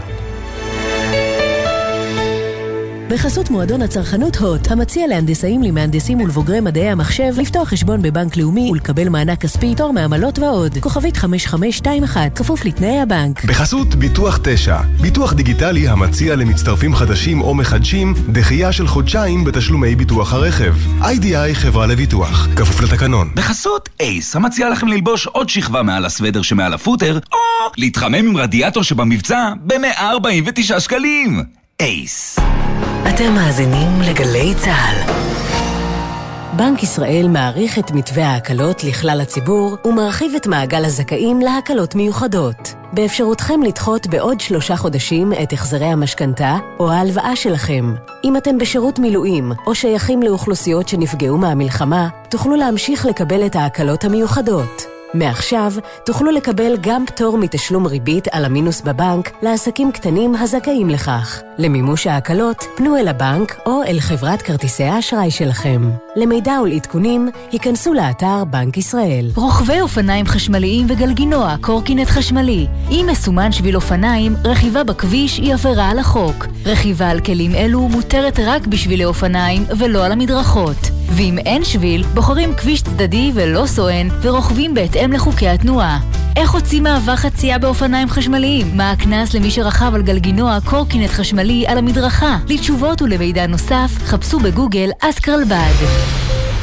יש אישה גיל דיקמן, בת דודתך, כרמל גת, עדיין חטופה בעזה. כרמלי, אם את שומעת אותנו, אנחנו עושים כל מה שאפשר. אנחנו כאן בכנסת, מגיעים לכאן שבוע אחרי שבוע כדי להחזיר אותך. אנחנו מצטערים שזה לוקח כל כך הרבה זמן, לא התכוונו שזה יימשך כל כך הרבה. אנחנו לא נעצור עד שכולם יחזרו הביתה, מתגעגעים אלייך נורא. גלי צה"ל, פה איתכם, בכל מקום, בכל זמן.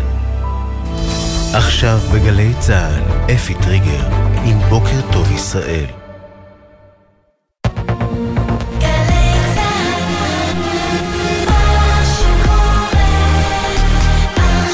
שבע בגלי צה"ל.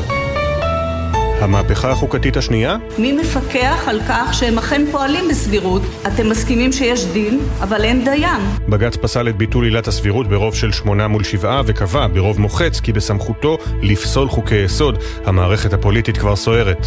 כל אחד צריך לבחור את המלחמות שלו. אה, בג"ץ בחר את המלחמה שלו. מיד נהיה עם הציטוטים המלאים. כתבנו המדיני יניר קוזין ידווח על החשש של נתניהו לאחר הפסיקה, ונשוחח עם השר יואב קיש והמשנה ליועמ"ש לשעבר דינה זילבר.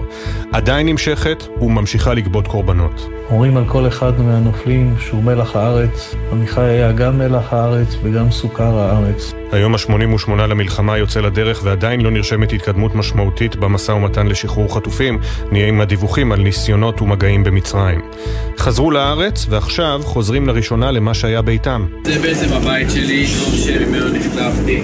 בשבילים ההרוסים, בין הבתים השרופים, החטופים ששוחררו חזרו לראשונה לקיבוץ בארי. כתבינו יובל מילר וגל ג'רסי היו איתם בחזרה השמחה עצובה. יש פה קיבוץ שלם והרבה מאוד יישובים מסביבנו שנתקעו ב-7 לאוקטובר 2023. בוקר טוב ישראל. בוקר טוב ישראל עם אפי טריגר. שלום לכם. בקואליציה לא מתכננים לפעול חקיקתית נגד פסיקת בג"ץ ההיסטורית המבטלת את ביטול עילת הסבירות. התגובות במערכת הפוליטית היו סוערות כצפוי. שר המשפטים יריב לוין תקף. השופטים למעשה לוקחים לידיהם בפסק הדין את כל הסמכויות שבמשטר דמוקרטי מתחלקות באופן מאוזן בין שלוש רשויות השלטון. פסק הדין לא ירפא את ידינו. יושב ראש הכנסת אמיר אוחנה מסר, המובן מאליו הוא שלבית המשפט העליון אין שום סמכות לבטל חוקי יסוד. המובן עוד יותר מאליו הוא של לא נוכל לעסוק בכך כל עוד המלחמה בעיצומה. תגובת הליכוד, מצער שבית המשפט העליון בחר להביא פסק דין בלב המחלוקת החברתית בישראל, דווקא כשחיילי צה"ל מימין ומשמאל נלחמים ומסכנים את חייהם. גם השר אופיר סופר ממפלגת הציונית, ממפלגת הציונות הדתית, הביע בריאיון למזל מועלם ועידן קבלר אכזבה מפסק הדין, אבל הדגיש, זה לא העת לעסוק בכך. המלחמה נמצאת בתוכנו. הציפייה הייתה משופטי בג"ץ שלא יעסקו בעת הזו. גם הדברים האלה צריכים. אני אומר אותם במידה רבה של אכזבה, זה נכון. יושב ראש המחנה הממלכתי, השר בני גנץ, חיזק את שופטי בג"ץ, את פסק הדין חובה לכבד, את הלקח מההתנהלות בשנה האחרונה חובה להפנים, אחים אנחנו לכולנו גורל משותף, כך גנץ. ראש האופוזיציה יאיר לפיד אמר, החלטת בג"ץ חותמת שנה קשה של מריבה שקרעה אותנו מבפנים והובילה לאסון הנורא בתולדותינו. כזכור, פס, בג"ץ פסל אמש לראשונה חוק יסוד ברוב של שמונה שופטים מול שבעה.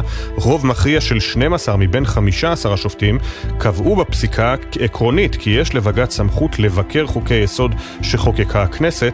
השופט אלרון סבר שהסמכות שמורה למקרים קיצוניים בלבד וכמוצא אחרון. רק השופטים נועם סולברג ודוד מינץ התנגדו לכל ביקורת שיפוטית על חוקי יסוד. בסוריה מאשימים את ישראל בתקיפה בשטחה הלילה. לפי דיווחים מקומיים הותקפו מהאוויר יעדים באזור דמשק. זו התקיפה השישית המיוחסת לישראל בסוריה בשבוע האחרון. בתוך כך, צה"ל תקף אמש מטרות חיזבאללה בדרום לבנון בירי ארטילרי. זאת בהמשך לתקיפה נוספת של חיל האוויר שהשמידה תשתית טרור של חיזבאללה, שממנה בוצעו השיגורים למרחב אדמית, שיגורים שפצעו קל חמישה לוחמים. מטוסי קרב וכלי טיס של חיל האוויר חיסלו חוליית מחבלים, השמידו עמדות שיגור ואתרים צבאיים שמהם פעלו מחבלי חיזבאללה. רב סמל במילואים עמיחי ישראל יהושע אוסטר, לוחם בגדוד 70-20, שנפל אתמול בקרב בצפון רצועת עזה, יובא היום למנוחת עולמים באחת בצהריים בבית העלמין בקרני שומרון. דודתו סנדרה מספרת לבוקר טוב ישראל על מחויבותו של עמיחי ורצונו לתרום ללחימה. באמצע הטיול פרצה המלחמה, והוא לא היסס אפילו לשנייה, והוא חזר. הוא פשוט הגיע לקליפורניה, הוא עלה לטיסה וחזר לארץ. כל כך רצה להצטרף למלחמה, עוד לא שובץ בכלל ביחידת מילואים. היועצת המשפטית לממשלה גלי בהרב מיארה קובעת כי השר לביטחון לאומי איתמר בן גביר התערב באופן פסול בשיקול הדעת המקצועי של המשטרה. בתגובתה לבג"ץ לעתירות נגד חוק בן אה, גביר כתבה היועמ"שית כי השר העביר למשטרה הנחיות בנוגע למניעת מספר הפגנות נגד הלחימה ברצועה תוך חריגה מסמכותו ועל אף שהמשטרה אישרה את קיומן. השר בן גביר בתגובה תקף את היועצת המשפטית לממשלה בשל השנאה אליי היא מתנהגת כאילו אני השר היחיד שמבקש שהמשרד יקיים את המדיניות שלו, תגובת בן גביר. בנק ישראל מוריד את הריבית במשק ברבע אחוז וכעת היא עומדת על ארבעה אחוזים וחצי, זאת בניסיון לתמוך במשק הסובל מהאטה מתחילת המלחמה. נגיד הבנק אמיר ירון מתח ביקורת על ההתנהלות התקציבית של הממשלה והזהיר מפני הידרדרות כלכלית בשנים, בשנים הקרובות. הדוקטור סיגל ריבון, מנהלת האגף המוניטרי בחטיבת המחקר בבנק ישראל, אומרת לבוקר טוב ישראל, הממשלה חייבת לפעול לצמצום הגירעון. חייבים לעשות התאמות, לקצץ בהוצאות, שהממשלה תגלה מחויבות ואחריות לשמירה על מסגרת ההוצאות שתאפשר איזשהו תוואי של חוב שלא עולה, ואחרת יובן שיש חשש ליציבות. עכשיו העדכונים מגלגלצ והתחזית. בחסות ביטוח 9, ביטוח דיגיטלי המציע למצטרפים חדשים או מחדשים דחייה של חודשיים בתשלומי ביטוח הרכב. איי-די-איי חברה לביטוח, כפוף לתקנון. כביש 6 צפון העמוס ממחלף רהט לכיוון מחלף מאחז. כביש עכו חיפה עמוס משומרת עד כפר מסריק. בכביש החוף דרומה יש עומס תנועה ממחלף אור עקיבא מערב עד מחלף קיסריה, בהמשך עמוס ממחלף חבצלת עד מחלף פולג. מזג האוויר תחול ירידה בטמפרטורות, גשם מקומי צפוי לרדת מצפון הארץ ועד לצפון הנגב. בוקר טוב ישראל עם אפי טריגר.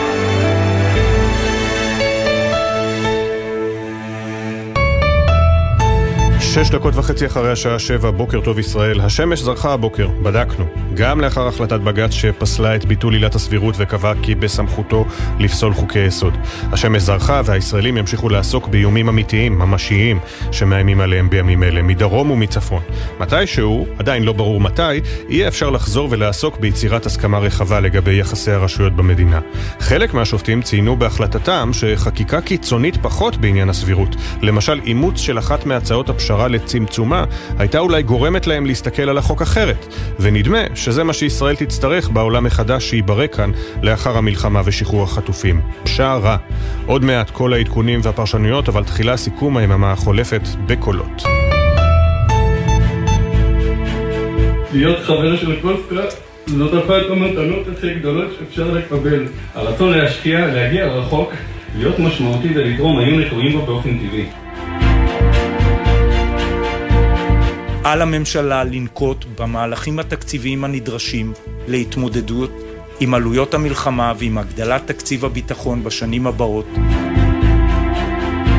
בג"ץ יפרסם בשעה הקרובה את פסיקתו בעתירות נגד ביטול עילת הסבירות. בג"ץ פסל את החוק לביטול עילת הסבירות ברוב של שמונה שופטים מול שבעה. 12 שופטים קבעו כי לבג"ץ סמכות להתערב ולערוך ביקורת שיפוטית על חוקי יסוד. מדובר בפעם הראשונה בהיסטוריה בה בג"ץ פוסל חוק יסוד. אני באמת קיוויתי שהם יתחברו לגודל השעה. לתת פסק דין אחר. כל אחד צריך לבחור את המלחמות שלו. בג"ץ בחר את המלחמה שלו.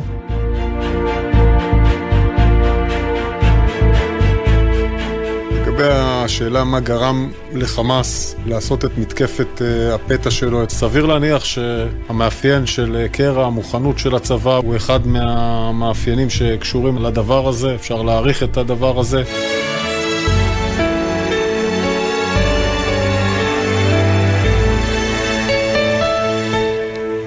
כן, אז אנחנו בשנה אזרחית חדשה ופסק דין היסטורי שהחזיר לחיינו בעיות ישנות שהעסיקו אותנו לפני 7 באוקטובר. על גבי 743 עמודים נימקו שמונה שופטים את ההחלטה התקדימית לפסול חוק יסוד ושבעה נוספים מדוע אפשר להסתדר גם בלי עילת הסבירות. הייתה גם הכרעה נוספת בתוצאה ממש לא צמודה, 12-3, שפסקה כי לבג"ץ סמכות להתערב בחוקי יסוד. כתבתנו לענייני משפט תמר שונמי, שלום. שלום אפי, כן, את שנת 2024 פתח בג"ץ בהכרעה שתיזכר שנים רבות. דעת רוב של שמונה שופטים פסלה לראשונה ועל חודו של כל חוק יסוד את החוק לביטול עילת הסבירות. התומכים בפסילה הם הנשיאה בדימוס חיות, ממלא מקומה פוגלמן, והשופטים עמית, ברק ארז, ברון, גרוסקופ, כבוב ורונן. בפסק הדין נימקה הנשיאה בדימוס חיות את הצעד התקדימי. אין מנוס, מדובר בתיקון קיצוני וחריג בכל קנה מידה, אין לו אח ורע בהיסטוריה החוקתית שלנו, והוא מתנגש בליבת מאפייניה של מדינת ישראל כמדינה דמוקרטית.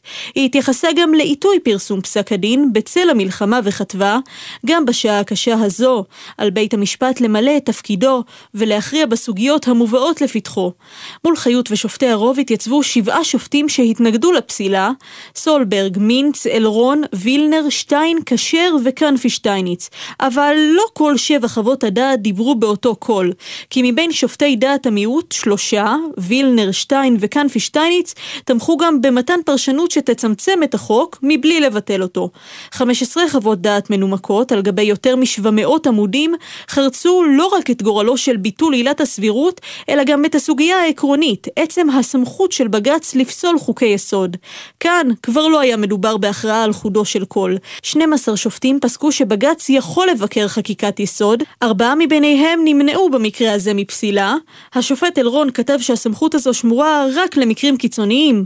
השופטים סולברג ומינץ קבעו שהיא כלל לא קיימת.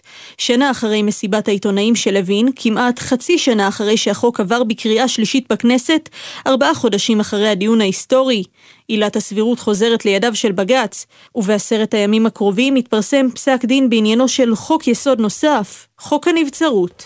תודה, תמר. פסק הדין מביא כמובן לתגובות סוערות במערכת הפוליטית, מימין ומשמאל, מהקואליציה ומהאופוזיציה. באופן יחסי הטונים נותרו נמוכים וההודעות מתונות. כתב התחום הפוליטי שחר גליק, שלום. שלום אפי, כן, זה מה שמפתיע. בקואליציה תקפו הרבה את פסק הדין הזה, אבל בצורה מאוד מתונה. יושב ראש הכנסת אוחנה, מי שמנהל את המאבק בבית המשפט כראש הרשות המחוקקת, הסתפק בשתי שורות. המובן מאליו הוא שלבית המשפט העליון אין שום סמכות לבטל חוקי יסוד, כותב אוחנה, והמובן עוד יותר מאליו הוא שלא נוכל לעסוק בכך כל עוד המלחמה בעיצומה. וזו המנטרה שחוזרת על עצמה בתגובת הליכוד הרשמית, גם כן תוקפים אבל מתמקדים בזה שעכשיו זמן מלחמה וצריך להיות מאוחדים. ואפילו יריב לוין, אדריכל הרפורמה המשפטית, מסתפק בתגובה כתובה ודי קצרה. ההחלטה הזו היא הפך מרוח האחדות, מצב שבו אי אפשר לחוקק אפילו חוק יסוד בכנסת ובממשלה שלא בהסכמת שופטי העליון, לוקח ממיליוני האזרחים את קולם ואת הזכות הבסיסית להיות שותפים בקבלת ההחלטות, אלו הדברים של שר המשפטים. ומהעבר השני של המתרס יש את לפיד ראש האופוזיציה שתומך בהחלטה. ההחלטה חותמת שנה קשה של מריבה, הוא כותב, בית המשפט מילא נאמנה את תפקידו בשמירה על אזרחי ישראל, ויש את בני גנץ שלא מביע עמדה על פסק הדין, אלא רק אומר שצריך לכבד אותו ולקדם חוק יסוד חקיקה. לסיום, אפי, למה התגובות בקואליציה כל כך עייפות ורגועות? קודם כל כי הם רוצים לשדר שזו מלחמה שבית המשפט מנהל מול שער ריק, שהם לא מתעסקים בזה בכלל בתקופה הזאת. אבל הסיבה המרכזית זה שהמהלך הזה הוא בלתי הפיך. אין לכנסת באמת איך להגיב לו, וזו התחושה בקואליציה, שכל עוד לקחת לכנסת את האפשרות לחוקק חוקי יסוד, הקרב מול בית המשפט הוכרע סופית. לא משנה על איזה פתרון חקיקתי יחשבו חברי הכנסת, השופטים לקחו אתמול את הסמכות לפסול גם אותו. ולכן בקואליציה מעדיפים שלא להתרברב ולאיים, כשהאקדח שלהם בעצם מתרוקן מכדורים, אז כרגע הם צפויים לעזוב את האירוע הזה בצד, לפחות עד סוף המלחמה. ואולי גם עד לשינוי הרכב בית המשפט ביום מן הימים. תודה, שחר. ואם כבר תזכורת לנושאים שעסקנו בהם לפני המלחמה, אז אחרי שאמש בג"ץ פרסם את פסק הדין של ביטול עילת הסבירות, בימים הקרובים הוא עתיד לפרסם את החלטתו בנוגע לחוק הנבצרות, וכתבנו המדיני יניר קוזין, עם כל מה שיש לראש הממשלה נתניהו, איך אומרים, על הראש בימים האלה, אתה מדווח שגורמים בליכוד אומרים שדווקא הפסיקה בעניין הנבצרות היא זו שמטרידה, אפילו מפחידה את ראש הממשלה. שלום יניר. שלום אפי, בוקר טוב. כן, בהחלט, אנחנו מדברים עם uh, גורמים בליכוד שמקורבים לראש הממשלה, שאומרים לנו באופן פשוט, מה שמטריד את ראש הממשלה באמת זה חוק הנבצרות, שגם הוא צפוי להגיע להכרעת בג"ץ בימים הקרובים, ולא חוק הסבירות. חוק הסבירות, הם אומרים, זה הסיפור של uh, יריב לוין, אותו זה מעניין. נתניהו מוטרד מאוד מההחלטה בעניין חוק הנבצרות, ונעשה רגע סדר. חוק הנבצרות נחקק, אפי, באופן פשוט מאוד, בעקבות חשד של ראש הממשלה, כי היועצת המשפטית לממשלה גלי בהרב מיארה, תוציא אותו לנבצרות משפטית בגלל העובדה שהוא אה, מנהל משפט כרגע. הוא החליט אה, בהנחיה אה, להורות לליכוד לחוקק חוק מהר שנקרא חוק הנבצרות, שאומר למעשה שהסמכות היחידה להוציא ראש ממשלה לנבצרות נתונה בידי הממשלה והכנסת ולא בידי היועץ או היועצת המשפטית לממשלה.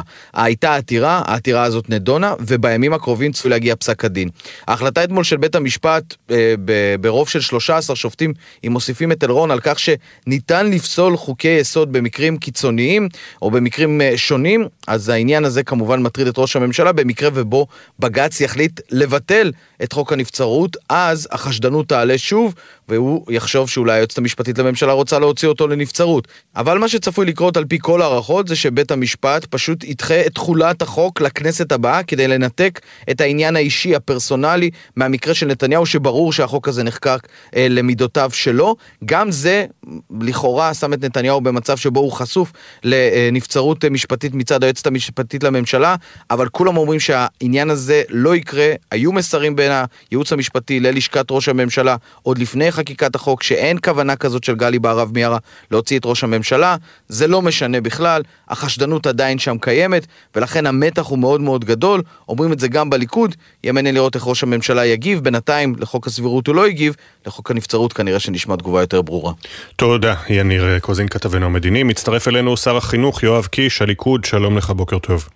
בוקר טוב, אפי. למה באמת לא עוד לא שמענו את תגובת ראש הממשלה? המפתיע, לא? לא יודע, אתה רוצה תשאל אותו, אני לא עוסק בלדבר את uh, לשכת ראש הממשלה. אז בוא נדבר על uh, תגובתך שלך, כי בסוף פסק הדין מאחורינו. השאלה אם באמת העיתוי הזה באמצע מלחמה זה עניין שראוי להתעכב עליו לדעתך. אני אגיד לך מה הדבר החשוב. אני... אתה הזכרת את זה גם בכותרות השידור שלכם. שעה לפני פרסום בג"ץ, דובר צה"ל מפרסם שרב סמל עמיחי ישראל יהושע אוסטר נפל, השם ייקום דמו. וזה בלחימה ברצועת עזה. הוא עוד לא הובא לקברות, היום הוא יובא למנוחות עולם בקרני שומרון. זה הדבר החשוב. אנחנו כאילו שכחנו, או נוצרה פה איזושהי הרגשה שהמלחמה נגמרה. המלחמה בשיאה, החיילים שלנו נלחמים כתף אל כתף למוטט את חמאס, ואסור לנו לשכוח את זה. ולכן, אני חייב לומר לך שמבחינתי הכל נכנס לפרופורציות. אני חושב שהדיון הזו זה פגיעה בדמוקרטיה שהם עשו, אני חושב שזו אכזבה גדולה, החלטה. אני מצטער שהם בחרו להיכנס לזה בתקופה הזו. אני לא הולך לעסוק בזה, זה לא מעניין אותי. נגמור את המלחמה, שזה הדבר החשוב, נמוטט את חמאס, נחזיר את הביטחון, ואז נבוא ונעסוק בכל שאר הדברים. אבל uh, בכל זאת, אתה אומר שחבל שהם נכנסו, זה לא סתם נכנסו, 12 מבין 15 השופטים, 12 וחצי, אם מחשבים את העמדה של אלרון, אומרים שבג"ץ יכול uh, לדון בלבקר חוקי יסוד. זה כולל שופטים שמרנים, זה uh, רוב uh, משמעותי ביותר, שלא לומר uh, מוחלט. זה לא רוב מוחלט, וזה רק מראה שיש דעות לפה ולפה, ומאוד תלוי מי יושב בוועדה למינוי שופטים, ואנחנו חוזרים חזרה לכל אותו ויכוח מגעיל שקרה את המדינה הזו, שאתה יודע, אני חייב לספר לך עוד דבר, אני אתמול הייתי בנהריה, הלכתי, אה, ישבתי, היה לי ישיבת עבודה בעירייה, ולפני כן עברתי בחוף הים עם חיילי אה, שייטת, ודיברנו. והם אמרו לי דבר מאוד פשוט, אנחנו מצפים מכם, הפוליטיקאים, אנחנו מצפים מהתקשורת, לא לעסוק בפילוג, לא לעסוק בריבים, לעסוק אך ורק במה שאנחנו עוסקים פה, איך אנחנו ביחד מנצחים. ודבר אחד הם שכחו, הם שכחו להוסיף גם את בג"ץ לדבר הזה וגם את בתי המשפט. זה היה בבוקר, עוד לא פורסם שהולך, שההחלטה הזו תצא לדרך. ההחלטה הזו, בתקופה הזו, זו טעות, לא היה צריך לעשות את זה. אה, אני לא הולך, אה, עכשיו אף אחד לא יתעסק עם זה יותר, מבחינתי זה אה, לא מעניין, ממש לא מעניין. מה זה אף אחד לא יתעסק עם זה יותר? יריב לוין מסר, לא, לא זה לא ירפא את לא. ידינו. אף אחד עכשיו, בסדר, אני אדייק, לא יתעסק אוקיי. בזה, בוודאי. יש עכשיו דברים הרבה יותר חשובים. חמאס לא עניין אותו אה, שהוא פרה בנו באותה שבת, האם מישהו תומך או מתנגד לרפורמה, לחוקי יסוד כאלה או אחרים, זה לא משנה לו. אנחנו ניצבים מול איום אחר, אנחנו חייבים להכריע אותו, אנחנו עסוקים בזה, וזה הדבר המרכזי, וחבל. אני אומר לך, אני לפחות, בוודאי בוודאי, שומר על האחדות, זה הדבר בעיניי הכי חשוב היום בעם ישראל, יש לנו ממשלת אחדות במלחמה הזו, זה דבר מאוד מאוד חשוב וקריטי, וכמו שאני מצפה ממני ומחבריי, אני מצפה גם מהתקשורת וגם מבג"ץ לעשות כך.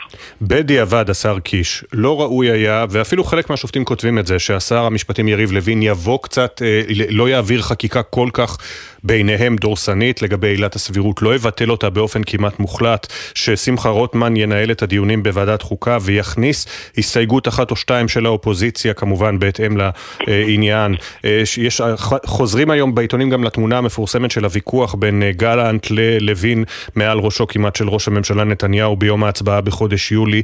הרי אם החוק לא היה כל כך אה, דורסני לכאורה, יכול להיות שפסק הדין היה אחר.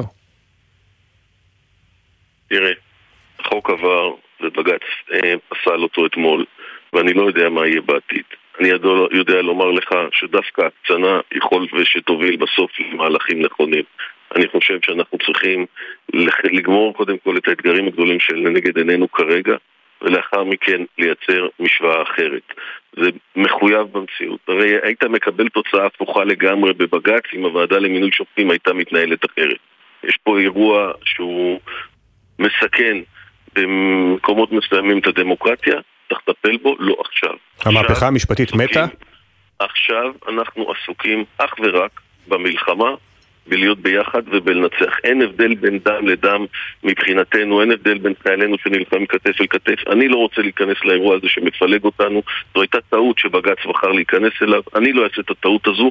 אנחנו חייבים לשים את זה מאחורינו, להתמקד אך ורק במלחמה. אנחנו עוד לא ניצחנו. Mm. יש לנו צבא שיש לו אתגרים גדולים, הוא מקבל את כל התמיכה. הוא חייב להמשיך עד מיטוט החמאס, אסור לעצור, ואנחנו גם צריכים לטפל בגזרה הצפונית. כל הדברים האלה, זה הדברים שאנחנו צריכים להתמקד בהם. המהפכה המשפטית מתה? אני בוודאי עכשיו אף אחד לא הולך להתעסק עם זה, זה גם לא מהפכה, זה תיקון הדמוקרטיה במדינת ישראל. הרפורמה מתה? וכמו שאני אומר לך, אנחנו נהיה חייבים לשבת ביחד וביחד להגיע למשוואה או נוסחה שכולנו נוכל לחיות איתה ונרגיש איתה בשלום. כלומר הרפורמה כפי שלוין ורוטמן והממשלה קידמו אותה בלי להתחשב בצד השני, הרפורמה יורדת מעל הפרק, עכשיו צריך לעשות את זה בהסכמה. אני חייב לומר לך שאת הדבר הזה הבנו כולנו כבר מזמן. אנחנו יודעים שאנחנו צריכים לעשות את הדברים ביחד. להגיד לך שאחרי המלחמה אה, דברים יישארו כמו שהם עכשיו ולא יהיה חשיבה על איך משנים, אני אומר לך בוודאות תהיה חשיבה. להגיד לך מה יהיה, אין לי מושג, אני לא נביא, אני גם לא עוסק בזה. אני עוסק אז... אך ורק באתגרי הלחימה. אני חושב שלא נכון לנו להיכנס לשיח עכשיו על הרפורמה, ודרך אגב, זו הטעות של בג"ץ. בג"ץ בחר בכוח להביא לך, לגרום לך לשאול אותי עכשיו את השאלות האלה.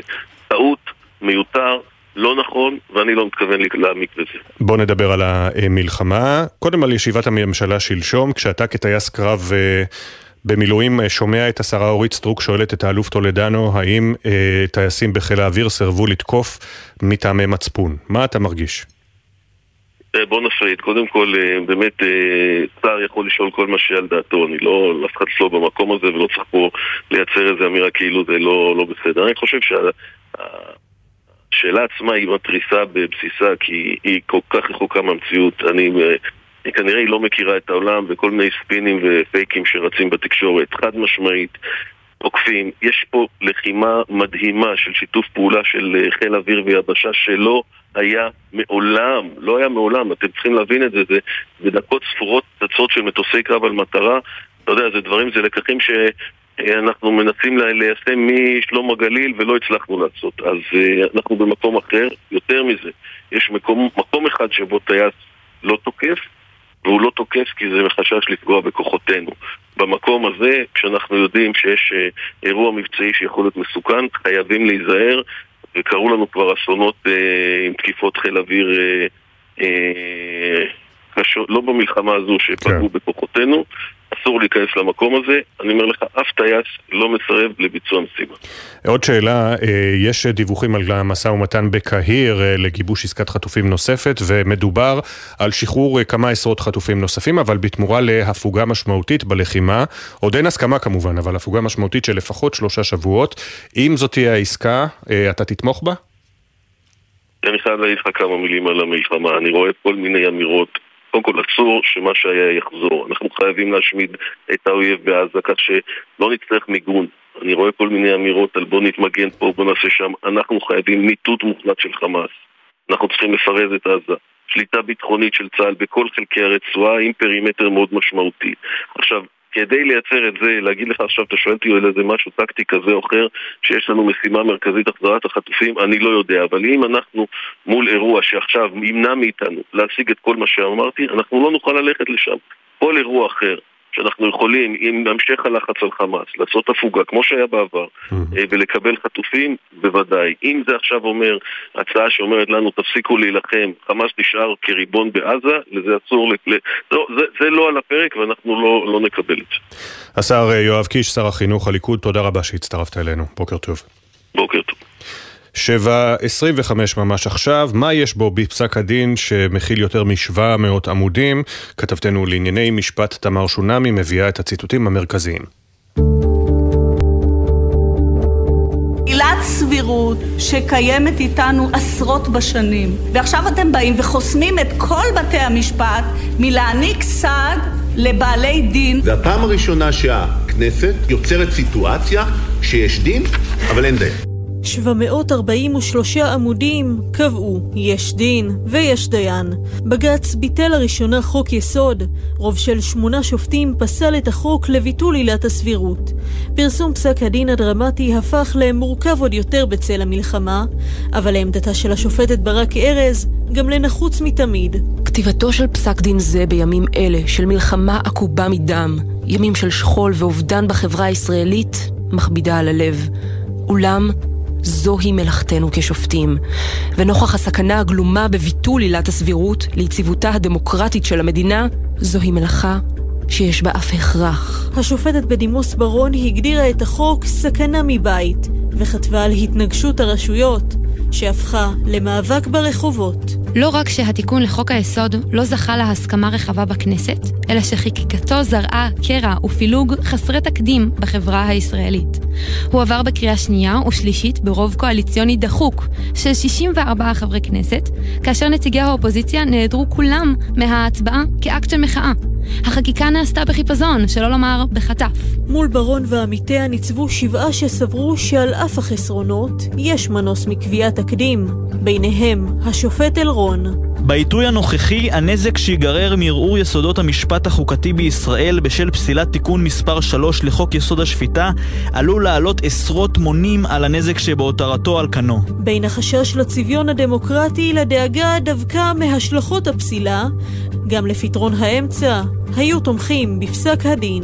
זה לא ייכנס לספר המופת של אה, חקיקה, אבל זה לא יורד לשורש העניין. השופטים שטיין וקנפי שטייניץ תמכו במתן פרשנות שתצמצם את החוק ללא ביטולו, לצידם גם השופטת וילנר שהבהירה, לבית המשפט כלים אחרים מלבד עילת הסבירות. בהינתן פרשנות מצומצמת, התיקון אינו פוגע פגיעה אנושה בזהות הדמוקרטית של מדינת ישראל, ולא מונע ביקורת שיפוטית יעילה, לאור קיומן של עילות ביקורת שיפוטית נוספות.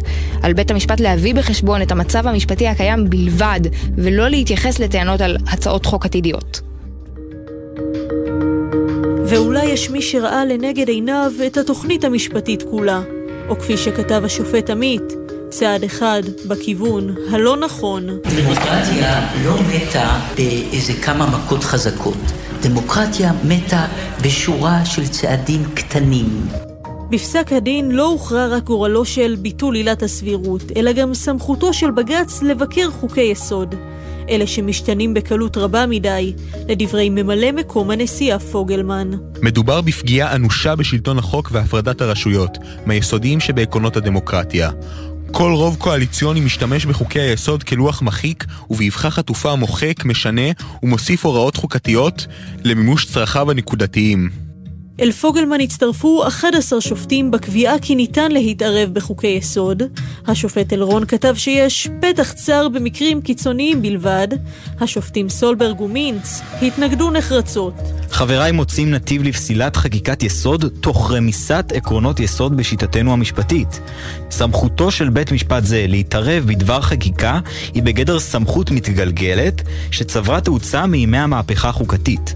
הדברים לא רק הוצאו מהקשרם, אלא יצאו היום מכלל שליטה. סולברג הבהיר שהחוק שעבר בכנסת הוא לא סבירות סולברג, אבל גם לא קיצוני מדי. ובסוגיית ביטול חוקי היסוד, גייס את הדורות הקודמים שישבו במשכן בכיכר אגרנט. סיעה נכבדה של שופטים שכיהנו כאן עשרות שנים, כולם כאחד כמו מורים באצבע. הסירו ידכם מחקיקת היסוד של מדינת ישראל. אילו הייתי מכהן כחבר בבית המחוקקים, לא הייתי מצרף את קולי לתמיכה בחוק היסוד. אינני תומך באותן הצעות, אך הן אינן מופרכות. הגיונן בצידן. את היקף השפעתה של פסיקת בג"ץ ההיסטורית עוד לא ניתן לדעת. אבל דבר אחד ברור, את מורשתה של הנשיאה חיות היא כבר עיצבה. ומצטרפת אלינו עורכת הדין דינה זילבר, לשעבר המשנה ליועץ המשפטי לממשלה לענייני משפט ציבורי מנהלי. שלום לך, בוקר טוב. היי, בוקר טוב. Uh, ביטול החוק הזה, צריך להסתכל עליו ברוב 8-7 או ברוב 12-3 בפסיקה העקרונית של uh, התערבות בחוק יסוד? אה, אני חושבת שברוב של 12-3, אולי אפילו 13 מתוך 15, כי קודם כל לבטח 12 שופטים בעצם הביעו עמדה ברורה בשאלה העקרונית לגבי עצם האפשרות של בית המשפט להעביר ביקורת שיפוטית גם על חוק יסוד במקום שבו הוא פוגע במאפיינים הגרעיניים של הדמוקרטיה הישראלית ויש גם את פסק הדין של השופט אלרון שהוא סוג של דעת יחיד, הוא אמנם משאיר אה, את האפשרות הזאת אה, למקרים של חריג מאוד מאוד צר, אבל ככה אפשר להתווכח אם אפשר גם לספור אותו יחד עם השנים עשר. בואי נדבר על אה, העיתוי, שזה הטענה העיקרית של הרבה מאוד אנשים, גם אנשים שתומכים בפסיקה כלפי בג"ץ. מדוע אי אפשר היה לדחות את זה לאחרי המלחמה? קודם כל, אנחנו צריכים לבחון את הדברים לפי ההתרחשות השגרתית שלהם. זאת אומרת, בית המשפט, אה, וזה אחד המאפיינים של דמוקרטיה, יושב על מכונו ופוסק ונותן את הדברים אה, לפי הקצב שלו, וכך היה גם במלחמות קודמות, כך היה גם אה, בתקופת הקורונה, זאת אומרת, שם דווקא חלק מהמאבק האזרחי היה על כך שבתי המשפט יישארו פתוחים. וגם בעיניי זו טענה שהיא אחד הספינים הכי מרגיזים, מן הטעם שאם הדרג המדיני, אם אה, הדרג הפוליטי היה מעוניין אה, באמת אה, ככה לאחד את העם ולהקטין את הקיטוב וכולי, האפשרות הייתה בידיו באמת לבטל את החוק הזה ולא מקום שבו הוא קבע איזשהו חוק שהוא מאוד מאוד פוגע ביסודות הדמוקרטיה, אה, משאיר אותו על מכונו ומצפה שהרשות שמתפקידה להעביר את החוק תחת אה, ביקורתה השיפוטית תימנע מעשיית תפקידה. זה כמו שכאילו מישהו בא והופך לך את. את ה יש לך איזשהו דוכן בשוק, בא מישהו, הופך לך את הדוכן באלימות, אבל לך אסור להרים אותו חזרה כי, אה, כדי לא לפגוע באחדות, כי מלחמה.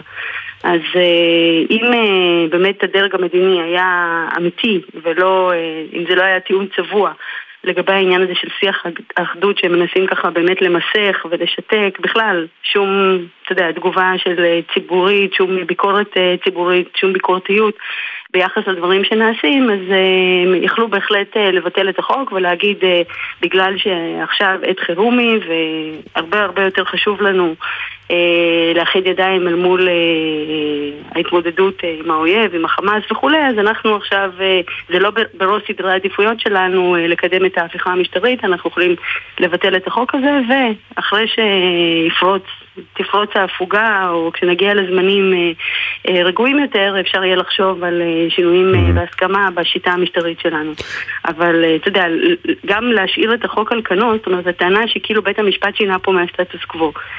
מרגע שהחוק הזה בעצם הפר בצורה כל כך גסה את האיזון ששרר פה במשך אה, עשרות שנים מאז קום המדינה, אז גם להשאיר את המצב כמו שהוא זה לא משהו סטטי, כן? זאת אומרת, גם לזה יש משמעות בעולם המציאות. אז השאלה היא, כאילו, האם, מה נכון יותר? האם כן. להשאיר את העיוות החוקתי על כנו, או בעצם לתקן אותו ולנסות להחזיר אה, עטרה דמוקרטית ליושנה. כיצד את מנתחת את הפסיקה, את אה, העמדה של השופטים סולברג ומינץ, שבשום מקרה, בשום, אופן, בשום פנים ואופן, הבג"ץ לא יכול להתערב בחקיקת חוק יסוד? תראה, קודם כל אני רוצה להגיד איזשהו משהו כללי לגבי בית המשפט על כל שופטיו, רוב ומיעוט. אחת ה... אה, אני חושבת אחד הדברים שאנחנו כציבור אה, יכולים לשמוח ולהתגאות זה באמת שבית המשפט על כל שופטיו, רוב ומיעוט כאחד, הוכיח שבסוף יש איזשהו סדר בעולם הכאוטי וזה בכלל ערכאה שהוכיחה את המצוינות שלה, את האיכות שלה, את העצמאות שלה כגוף שעומד אה, איתן ויציב גם כשבחוץ משתוללות שערות וגלי ענק מתנפצים על הקירות שלו וכשבוחנים את התפקוד של שלושת הרשויות, את החידלון הממשלתי, את ההתנהלות המחפירה הממשלתית, את הרפיסות הכנועה של הכנסת, יש בעצם רשות אחת שעושה את התפקיד שלה, שהיא נאמנה לייעוד שלה, היא שומרת על האזרחים של המדינה מפני איומים מבית, מחוץ, ומושכת אותנו ככה להיות הגרסה היותר טובה של עצמנו. ישראל שהיא עדיין דמוקרטית, למרות מה שהשלטון מנסה לעולל לה.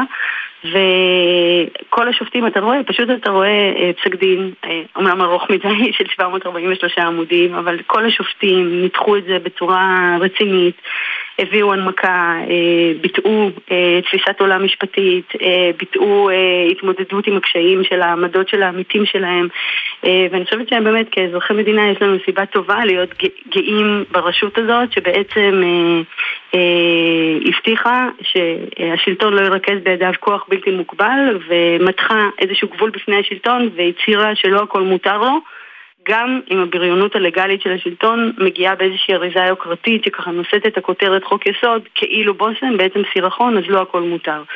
עכשיו לגבי שאלתך על אה, השופטים אה, סולברג ומינץ אז mm-hmm. אה, באמת אנחנו רואים, קודם, קודם כל הם באמת היו בקצה של הרצף, זאת אומרת באמת לדעתם התשובה שלהם הייתה שלילית לשתי השאלות, זאת אומרת הם חשבו שגם לבית המשפט אין סמכות אה, להתערב בחוקי יסוד וגם הם חשבו שגם לא הייתה סמכות המקרה הזה לא מצדיק את זה, אבל מה שיפה בעיניי לראות זה שבעצם אל מול הטענה, נכון, כל הזמן כחלק מהספינים שמופנים כנגד המערכת המשפטית, כל הזמן באים ואומרים שהמערכת המשפטית, אה, רחביה, כולם גזורים באור אחד, אה, כולם חושבים אה, בצורה אחת, כולם חברים של אהרן ברק, כולם איזושהי אליטה מנותקת והכל, ומה אנחנו רואים בעצם? אנחנו רואים שיש פה גיוון רב בדעות של השופטים, אה, בהנמקות שלהם, אה, במקומות... טוב, על זה אפשר לומר לך, את יודעת שאם שרה המשפטים דאז איילת שקד לא הייתה מתעקשת מול אה, מרים נאור, זיכרונה לברכה, אז מינץ ווילנר למשל לא היו מתמנים בכלל לבית המשפט העליון. לא, אז היו אולי מתמנים שופטים אחרים שאנחנו לא יודעים מה הייתה התפיסה שלהם, אבל הטענה העקרונית שלי בהקשר הזה היא שבניגוד ל...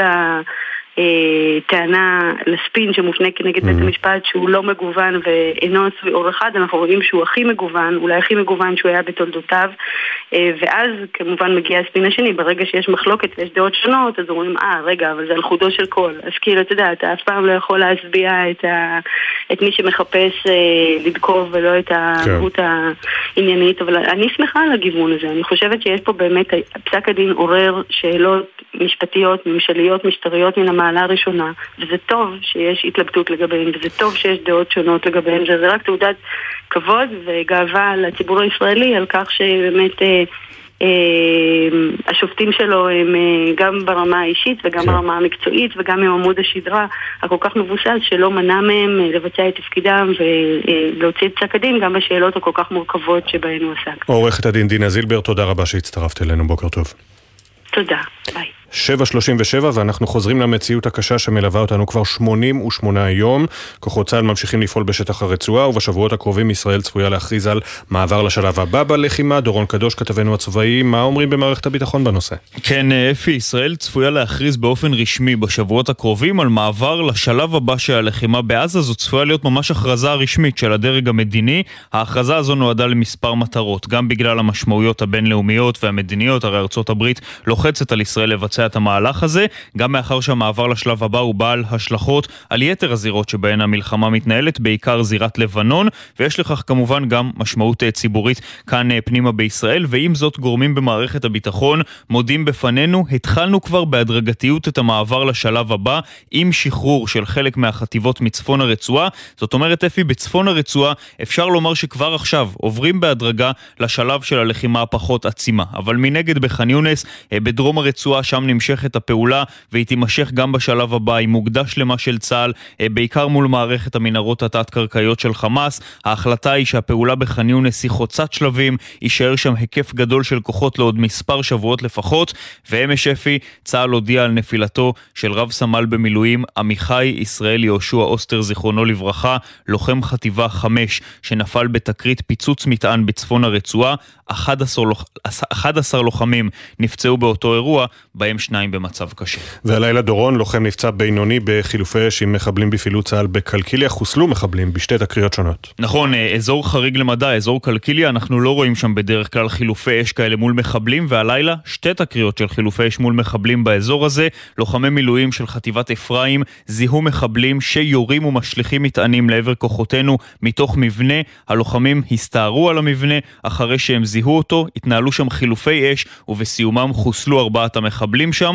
נגיד שבחילופי האש האלה גם נפצע קצין צה"ל במילואים באורח בינוני, הוא פונה לטיפול רפואי בבית חולים ומשפחתו עודכנה, ובתקרית אחרת, לוחמי מילואים חיסלו בירי מחבל שירה באקדח לעברם, לא היו נפגעים בתקרית הזו. תודה דורון. תודה.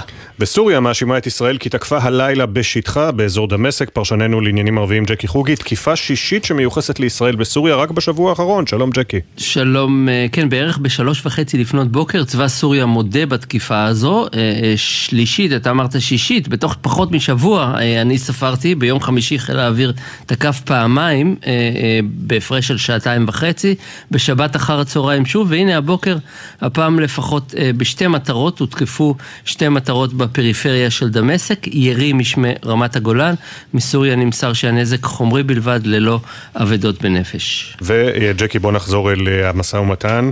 אה, מול אה, חמאס העקיף. משלחת ישראלית נמצאת בקהיר, דיווח אתמול ערוץ חדשות סעודי, ונציגי חמאס יוצאים ובאים בימים אלה בבירת מצרים. יש עדיין ניסיון להניע מהלך אה, רחב ברצועה, ג'קי. כן, זה בעצם מאמץ להציל את השיחות מהמשבר שאליו הם נקלעו בחודש האחרון. גורם זר שבקיא בפרטים אומר לנו שחמאס מביעים עניין בנוסחה המצרית. תוכנית בשלושה שלבים שמתחילה בעסקת חילופין של 40 חטופים. חמאס מוכנים בעיקר בגלל שני השלבים שאחר כך. ישראל לעומת זאת מתנגדת, וכאן זה אה, תקוע. התוכנית המצרית אומרת אה, בשלב הראשון שחרור החטופים האזרחיים והפסקת אש, בת שבועיים לפחות. בשלב השני הקמה של ממשלת אחדות פלסטינית, ממשלת מומחים בהובלת הרשות, שתפעל לשקם את עזה, כמובן בכספי תרומות. בשלב הזה ישראל תתחייב להפסיק את המלחמה ולצאת מרצועת עזה.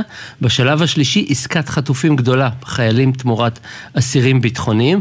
כמובן שכל שלב עוד דורש לוחות זמנים וסעיפים קטנים, אבל זו תוכנית, אלה קווי היסוד וזו תוכנית שאפשר ליישם, ליישם אותה אה, מיד אם רוצים, והיא קצרת טווח.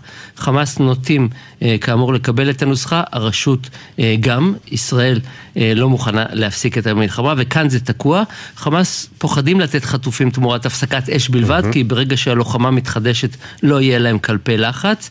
למצרים יש הצעות איך להבקיע את החומה הזו, הם מנסים אותן בימים אלה, זה המשא ומתן. בינתיים בשיחות עולות עוד מסקנה אחת או שתיים, אנחנו נגיד את זה בקצרה. אחת, חמאס מוכנים שהרשות תחזור לעזה, הם לא התנגדו. אותו גורם אומר לנו, חמאס במצב רע מאוד, הם לא חשבו שהם יגיעו למצב כזה. ודבר שני, לכל הצדדים, ברור שהזרוע הצבאית של חמאס לא תושמד בקרוב, זה עשוי לקחת עוד זמן. המצרים אומרים לכל מי שמוכן לשמוע, חיסול חמאס עשוי לקחת אפילו שנים. מעניין, תודה ג'קי. תודה אפי. עכשיו הכותרות. בקואליציה לא מתכננים לפעול חקיקתית נגד פסיקת בג"ץ המבטלת את ביטול עילת הסבירות. שר המשפטים יריב לוין תקף אמש, השופטים למעשה לוקחים לידיהם בפסק הדין את כל הסמכויות שבמשטר דמוקרטי מתחלקות באופן מאוזן בין שלוש רשויות השלטון. פסק הדין לא ירפא את ידינו. יושב ראש הכנסת אמיר אוחנה מסר, המובן מאליו הוא שלבית המשפט העליון אין שום סמכות לבטל חוקי יסוד. המובן עוד יותר מאליו הוא שלא נוכל לעסוק בכך כל עוד המלחמה בעיצומה. שר החינוך יואב קיש מהליכוד אומר בבוקר בישראל. זו לא העת לפסיקה הזאת, נצטרך לעסוק בכך בעתיד. ההחלטה הזו, בתקופה הזו, זו טעות. אנחנו נהיה חייבים לשבת ביחד וביחד להגיע למשוואה או נוסחה שכולנו נוכל לחיות איתה. להגיד לך שאחרי המלחמה דברים יישארו כמו שהם עכשיו, בוודאות תהיה חשיבה.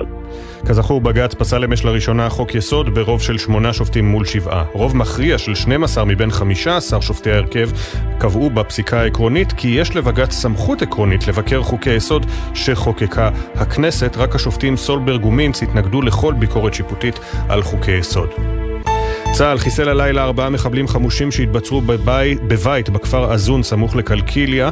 המחבלים ירו והשליכו מטענים לעבר כוחותינו. קצין צה"ל במילואים נפצע בינוני בחילופי האש ופונה לבית חולים, משפחתו עודכנה. בתקרית נוספת בקלקיליה, לוחמי מילואים חיסלו מחבל שירה לעברם, לא היו נפגעים לכוחותינו. בתוך כך, בסוריה מאשימים את ישראל בתקיפה בשטחה הלילה. לפי דיווחים מקומיים הותקפו מהאוויר יעדים באזור דמשק, תקיפה שישית המיוחסת לישראל בסוריה בשבוע האחרון. כזכור, אמש זוהו שיגורים משטח סוריה לעבר רמת הגולן, לא היו נפגעים ולא נגרם נזק. עדכוני תנועה מגלגלצ, כביש 40 צפונה, יש עומס תנועה מכיוון עוזה עד צומת פלוגות בגלל תאונת דרכים. בכביש מספר 3 צפונה יש עומס תנועה מקריית מלאכי עד צומת מלאכי בגלל תקלת רמזורים. גאה צפונה עמוס ממחלף גן רבה עד גבעת שמואל. מזג האוויר, גשם מקומי צפוי מצפון הארץ ועד לצפון הנגב. נצא לכמה הודעות ואז הדס שטייף שפגשה את התושבים שנשארו בצפון ונלחמים לקבל שירותים בסיסיים, תביא את הסיפור המלא, כבר חוזרים. בחסות אייס, המציע לכם מגוון מבצעים על מוצרים שיוכלו לחמם את הלב. ואגב, ואת כפות הרגליים, כמו מפזר חום לאמבטיה שבמבצע ב-99 שקלים. אייס. בחסות בסטי. בסטי. המשוואה בין מגוון חברות הביטוח, ויכולה לעזור לכם להוזיל את ביטוח הרכב. מחדשים ביטוח רכב? אתם מוזמנים להשוות בבסטי. בסטי.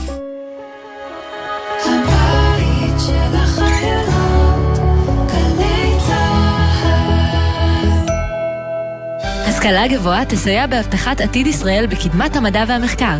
סטודנטים במילואים, דאגנו להגדיל את הסיוע לכם. לכל המידע הנוגע לזכויותיכם, היכנסו לאתר המל"ג ויישארו מעודכנים. מוגש מטעם המועצה להשכלה גבוהה והוועדה לתכנון ולתקצוב. בנק ישראל מעריך את מתווה ההקלות לכלל הציבור ומרחיב את מעגל הזכאים להקלות מיוחדות. באפשרותכם לדחות בעוד שלושה חודשים את החזרי המשכנתה או ההלוואה שלכם.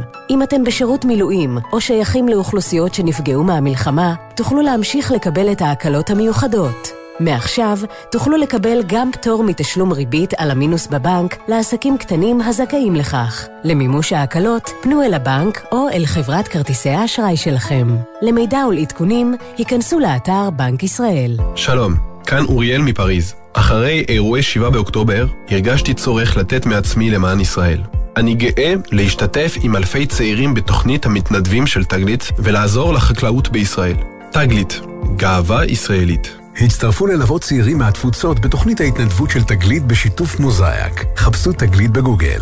שלום, אנו תוכנית המלגות אימפקט של ארגון ידידי צה"ל בארצות הברית, ה-FIDF. השנה מצטרפים אלינו כ-1,100 חיילים משוחררים מהמערך הלוחם, ואיתם נחצה את קו 20 אלף הלוחמים שקיבלו מאיתנו מלגה. מלגאים יקרים, ברוכים הבאים למשפחת אימפקט. אתם מצטרפים לקהילת מופת, הבונה ומחזקת את עתידה של מדינת ישראל כבר יותר מ-20 שנה. אנו מאחלים לכם, ולכל אלפי המלגאים שלנו, שנת לימודים מוצלחת ומשמעותית. ולכל אלפי הלוחמות והלוחמים שלנו, הנמצאים בימים אלו בחזית, אנו רוצים לומר תודה מיוחדת ולשלוח חיבוק חזק. ליבנו איתכם, בהצדעה שלכם אימפקט. עמיתי מועדון חבר, חדש, הטבות ייחודיות על אורה, החשמלית המשפחתית מבית קולמוביל, לפרטים כוכבית 6853 או באתר מועדון חבר, בתקווה לימים טובים יותר.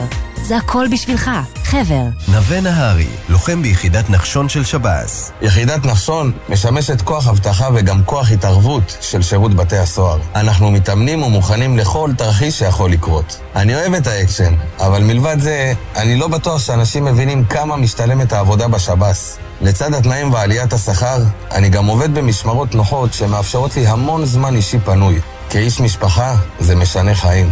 שב"ס, בלב הביטחון הישראלי. תנופת הגיוס נמשכת, תנאים מועדפים ושכר מתגמל. פרטים באתר שב"ס. בצלאל אקדמיה לאומנות ועיצוב ירושלים פתחה את ההרשמה. ומזמינה אתכם ליום פתוח לתואר ראשון ולתואר שני ב-16 בינואר. אנחנו כאן למענכם, עם מעטפת תמיכה נרחבת ועם מערך תמיכה רגשי לכלל הסטודנטים והסטודנטיות. תמיד כאן, תמיד בצלאל. לפרטים נוספים חפשו יום פתוח בצלאל. עכשיו בגלי צה"ל, אפי טריגר, עם בוקר טוב ישראל. 7.48, השנה האזרחית החדשה רק החלה וכבר ביומה הראשון גבתה מחיר קשה מנשוא. עמיחי ישראל יהושע אוסטר נפל בקרב בעזה מבלי שהספיק להשלים את הטיול שתכנן לפרטי פרטים. קונסטנטין סושקו הובא אתמול למנוחת עולמים, הוא כבר לא ידביק את החבורה שהוביל, והבשורות הקשות על הירצחו של אילן וייס ציערו שוב את חברי קהילת בארי. פרידה מהגיבורים, הכתבה של אילי זילברברג. אומרים על כל אחד מהנופלים שהוא מלח הארץ. עמיחי היה גם מלח הארץ וגם סוכר הארץ. בחור מקסים, ערכי, מתוק, עם חיוך מבויש שכולם אהבו. המילים האלו של הרב אורון, חבר משפחתו של רב סמל במילואים עמיחי ישראל יהושע אוסטר, בן 24, לוחם גדוד 7020 בעוצבת השרון, מספרות יותר מכל עליו, עם החיוך המבויש שנכנס לכולם ללב. סנדרה דודתו כבר מתגעגעת לעמיחי, שנפל אתמול אחרי שקטע את הטיול, במיוחד כדי לחזור למלחמה. באמצע הטיול פרצה המלחמה, והוא לא היסס אפילו לשנייה, והוא חזר. הוא פשוט הגיע לקליפורניה, חיכה שם עד שהייתה טיסה, הוא עלה על הטיסה וחזר לארץ. כל כך רצה להצטרף למלחמה, עוד לא שובץ בכלל ביחידת מילואים. רב סמל ראשון במילואים קונסטנטין סושקו, קוסטה כפי שכולם קראו לו, היה חבר מתנה. פעלולן ואוהב צחוקים, אבל גם המצטיין של השכבה. אור בת זוגתו תתקשה להמשיך בלי קוסטה שלה, שהובא למנוחות אתמול בבית העלמין קריית שאול לאחר שנפל בקרב בעזה, רק בן שלושים. איזו זכות זו הייתה לאור אותך, אתה אבא של החיים שלי, החבר הכי טוב שלי. אני כל הזמן מרימה את הטלפון כדי מה קורה, מחדש שאתה לא שם. אתמול הודיע קיבוץ בארי על הירצחו של אילן וייס, בן 56, שנחשב נעדר עד שהמכון לרפואה משפטית קבע שהוא אינו בין החיים. אילן, שאשתו וביתו נחטפו וחזרו משבי החמאס, יצא להחליף את רבש"ץ הקיבוץ כדי לחלק נשקים בשבת השחורה. בקיבוץ מבקשים להכיר גם בו כחלל צה"ל. אילן, עמיחי וקונסטנטין, גיבורים, הותירו אחרי משפחה, חברים, כואבים. יהי זכרם ברוך. אמן. אנחנו חוזרים אליך, דורון קדוש, כתבנו לענייני צבא. המשטרה הצבאית חוקרת את נסיבות מותו של מחבל שנתפס במהלך פעילות כוחותינו ברצועה. על פי החשד, לוחם שהיה אמור לשמור עליו, ירה לעבר המחבל כבר אחרי שנלכד והרג אותו. מה אומרים במערכת הביטחון, דורון? כן, שלום אפי, אז מדובר בהחלט על תקרית חריגה שהייתה בדרום רצועת עזה באזור ח'אן יונס. אנחנו מדברים על מחבל שנלקח בשבי, נתפס בידי כוחות צה"ל ונלקח לחקירה בתוך שטח רצועת עזה, זה אה, מה שנקרא חקירת שטח של חוקרי השבויים של יחידה 504, ואחרי שהמחבל נחקר בשטח, החוקר של יחידה 504 הפקיד אותו בידי לוחם, לוחם מילואים שנלחם שם באזור ח'אן יונס ונתן לו לשמור עליו למשך מספר שעות, וכעבור מספר שעות, כשהגיעו הכוחות הכוחות למקום, הם מצאו את המחבל מת, ירוי, והתברר שהלוחם ירה בו למוות. אה, צריך להגיד אפי שבשלב הזה לא ברור בדיוק מה נסיבות התקרית. יכול מאוד להיות שהמחבל ניסה לברוח ולכן נורא, יכול להיות שהמחבל ניסה לתקוף את הלוחם, ומהסיבה הזו הוא נורא, אבל הוחלט בצה"ל לנהל על האירוע הזה גם תחקיר פיקודי וגם חקירה של מצ"ח של המשטרה הצבאית החוקרת. היום לוחם המילואים צפוי להיחקר במצ"ח ולמסור שם את גרסתו. סנגוריו אה, מוסרים וטוענים שהוא חש חש סכנה ולכן ביצע את הירי, כלומר היה מדובר על ירי מוצדק, כך לטענתו. תודה דורון. תודה. אתמול חזרו לראשונה עמית שני, רעיה רותם ובתה הילה לקיבוץ בארי שממנו נחטפו. מלאי תקווה למצוא שם אולי שרידים של החיים שלפני, יובל מילר וגל ג'רסי ליוו אותם. זה בעצם הבית שלי, שממנו נחטפתי. בפעם האחרונה שהם יצאו מהקיבוץ הוא עלה בלהבות, ואתמול לראשונה מאז חזרו משבי החמאס, הגיעו לקיבוץ בארי עמית שני בן ה-16, רעיה רותם בת ה-54 ובתה בת ה-13 הילה. בעיצומו של הליך השיקום מכמעט חודשיים ברצועת עזה, התייצבו שלושת המשוחררים בפני מראות הקיבוץ החרב. זה חשוב, בשביל גם שיחזירו את כולם ולהראות מה קרה. זה עצוב. ארזו לתקוע הבית, אבל אני לקחתי דברים חשובים, דברים של סבא שלי, וכאילו נפטר שהייתי בת תשע, אז לקחתי דברים. בשבילים ההרוסים בין הבתים המפויחים הובילו השבים את הסיור לתקשורת, רק הם יכולים להעיד על החיים היפים בקיבוץ לפני השבת השחורה. אך מול ביתה ההרוס בחרה ראיה רותם לדבר על התקופה הקשה בשבי. לפני כמה ימים אכלתי תפוז ונזכרתי בתפוז הקטן שחלקנו בשבי. נזכרנו איך היינו מחלקים אותו לכמה וכמה חלקים. לפעמים כבר עדיף לא לטעום את האוכל המועט שיש. זה מה שגורם לי להבין שהזמן אוזל. כמעט שלושה חודשים עברו מאז שבעה באוקטובר, אבל אלו שחזרו הביתה בפעם הראשונה הופתעו לגלות שהריח השרוף עדיין שולט בקיבוץ. 95 אנשים נרצחו בבארי, 30 נחטפו, מהם 19 חזרו הביתה. פה זה שכונת הדור הצעיר, אנחנו רואים פה את כל ההרס ואת החורבן. באמת אין פה אבן אחת שעומדת במקומה, והמראות הם מראות מאוד מאוד קשים. יש פה קיבוץ שלם והרבה מאוד יישובים מסביבנו שנתקעו בשביעי לאוקטובר 2000. 2023. עם השבים הצטרפו לסיור גם המשפחות שיקיריהן עדיין שם. שרון שרעבי הכניס אותנו לביתו של אחיו אלי שרעבי, שנמצא בידי המרצחים בעזה. אשתו ליאן ושתי בנותיו של אלי נרצחו באותו יום ארור. באים לפה כוח נוח'בה ומנסים לפרוץ את הבית הזה, את הממ"ד הזה. הם הוציאו את אלי ראשון ולקחו אותו לרכב שנסע לעזה.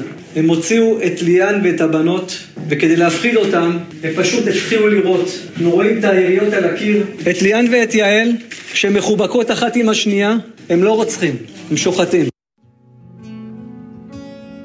בקצה הקיבוץ עומד ביתם של יהודית ושמוליק וייס, זיכרונם לברכה. כמעט ולא נותר דבר מהבית מלבד כמה קירות שנשארו לעמוד. הסיור נחתם בהופעה בהובלת בנם של יהודית ושמוליק, דניאל וייס, שביקש לסיים את הסיור עם קצת תקווה, ועל חורבות בית ילדותו ביצע את השיר ימים של שקט. את שברי השיער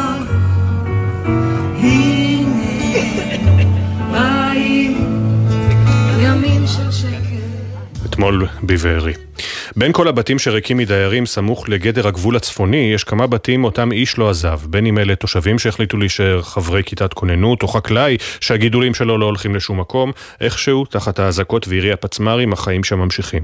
אבל התושבים שמנסים לקיים שגרה למרות המלחמה, מוצאים עצמם בהתמודדות עם מלחמה נוספת על איכות חיים ושירותים בסיסיים. בעלי מקצוע של חברות רבות מסרבים להגיע ליישובים, לתקן תקלות או לטפל בביוב, ברשת החשמל. הכתבה של הדס שטייף. מעט מאוד תושבים נשארו לגור בבתים שלהם ביישובי גבול הצפון, רובם בעלי תפקידים מאנשי כיתות הכוננות. בחיים כמו בחיים, בשגרה מכשירי חשמל מתקלקלים, פקקי חשמל גורמים לקצרים, אינטרנט קורס ולעיתים ביוב מציף רחוב, תקלות שרק בעל מקצוע של החברות יכול להן. אמנם יש למי לפנות, רק שמענה אין. ששון ממושב מרגליות מסביר. אנחנו פה אמנם מעט תושבים, אבל אם יש לנו תקלה באיזשהו מוצר, אף אחד לא מוכן לבוא לטפל. ואם זה חברת חשמל אז הם יבואו רק בשעות מסוימות, אני לא אגיד מתי. ואם זה טכנאים שצריכים להגיע ולתקן פה דברים, הם פשוט לא מוכנים, זה בעיה שלנו, תתמודדו. מסתמן שמי שנשאר מתמודד עם הלבד, כי המשפחה עזבה, מתמודד עם ירי הטילים, ההגנה על הבית שלו, ונאלץ להילחם גם על איכות חייו. אבל לא רק, דורון חובב, רב שץ, מושב בית הלל, מאיר עוד פן לבעיה, הפעם ביטחונית. ניסיון אישי שלי בזק, לא מוכנים להגיע, יש לנו כמה מקלטים שאין בהם אה, קליטה. וי-פיי וצריכים אה, טיפול של בזק וקב"ט בזק לא מאשר להם להגיע לבית הלל כי זה, הוא טוען שזה קו עימות והם לא מוכנים להגיע. דורון מחדד עד כמה זה בעייתי. כשיש לנו תושבים בתוך אה, מקלט ואנחנו רוצים לתקשר איתם אין קווי טלפון והדרך היחידה לתקשר איתם זה באמצעות אה, וואטסאפ. וכרגע כשהם אה, בתוך המקלט סגורים הם מנותקים מאיתנו. זאת אומרת הם לא יכולים לקבל ממני הנחיות כאלו או אחרות כרבש"ץ הם לא מסוגלים לקבל שום הנחיה, הם מנותקים שם לפעמים שעות. אחרי שאני מוציא הודעה שאפשר לצאת מהמקלטים הם עדיין תקועים שם בפנים. זה המקום להגיד שלעיתים אחרי תחנונים או שכנועים מגיע לבסוף טכנאי אמיץ ומתקן את התקלה. אך אלו נדירים רובם מסתתרים מאחרי התירוץ שטח מטווח. יוני, סגן הרבש"ץ במרגליות. יש לנו מכשירים תקולים, יש לנו כל מיני דברים. אין, ברגע שהם שומעים מרגליות, אנחנו יישוב מפונה, לא עולים לפה. אין, לא עולים. ואז מה עושים? מה עושים? נשארים עם התקלה, כמו עם המכשיר של התמ"א 4. שום דבר לא עזר, שום סיטואציה, טרדין, ניפגש באיזשהו דרך. אה, אני מבין את הקטע של הטכנאי שהוא לא רוצה להסתבך, אני מבין, הוא זה. בסדר, אבל אני צריך פתרון. אז uh, נתנו לי חודש הפסקת תשלום של הביטוח. חבר'ה, זה לא צורה. חביב, גם הוא ממרגליות, מתאר איך נותרו ימים שלמים בלי חשמל, איך הביוב במרכז המושב נסתם וזורם ברחוב, ומה המשמעות לכך. אם אין חשמל, אז אה, כל המערכות בלול לא עובדות. אה, לא מקבלים אוכל, לא מקבלים מים, וזה פוגע בהכנסה ובכלכלה, וזה מה שאנחנו פוחדים. תושבי היישובים, צמודי הגבול עם לבנון, נאלצים להתמודד מצד אחד עם איום החיזבאללה וטיליו. מהצד השני, על איכות חייהם, על אמצעים שיאפשרו להם, ולו במעט, להמשיך ולחיות לבדם, ביישובים הריקים מתושביהם, ולהגן עליהם. מחברת תמי 4 לא נמסרה תגובה, מחברת אה, חשמל נמסר, האירוע הקשה שבו קיפחו את חייהם ארבעה עובדי חברת חשמל משפיע על שליחת העובדים, הכל נעשה בתיאום עם צה"ל, אם טכנאי פוחד להגיע לאזור מלחמה, לא מכריחים. אותו. לפני סיום נמשיך במסורת החדשה שלנו, מסורת שאנחנו מקווים שתסתיים במהרה, לא נפרדים לפני שנציין. הבוקר יש עדיין 133 חטופים בעזה עם בני משפחה שמחכים להם. מעיין סיגל קורן היא בת משפחתם של לואיס הר ופרננדו מרמן שעדיין מוחזקים בשבי חמאס. שלום, אני מעיין סיגל קורן. שני בני משפחה שלי חטופים בעזה כבר 89 יום. לואיס הר בן הזוג של אימא שלי ופרננדו מרמן דוד שלי. אנחנו לא נפסיק להיאבק עד שיחזרו, ואנו דורשים מממשלת ישראל לפעול בנחישות להחזרת כל החטופים עוד היום. לואיס פרננדו, אם אתם שומעים, רק רצינו לומר כמה אנחנו מתגעגעים ואוהבים אתכם. העורך שלנו הוא יואב מאיסי, עורכת המשנה תהל כהן, המפיקה הראשית של בוקר טוב ישראל אורי שילה, לצידה נועה ארז, על הביצוע הטכני בן שני, בפיקוח הטכני תומר גולן, עורך הדיגיטל יוסי ריס, תודה גם למשה טורקיה, אחרי כותרות שמונה ספי עובדיה ויניר קוזין, אנחנו ניפגש שוב מחר, יום רביעי, ב-6 בבוקר, עוד יבואו ימים טובים יותר, בוקר טוב ישראל.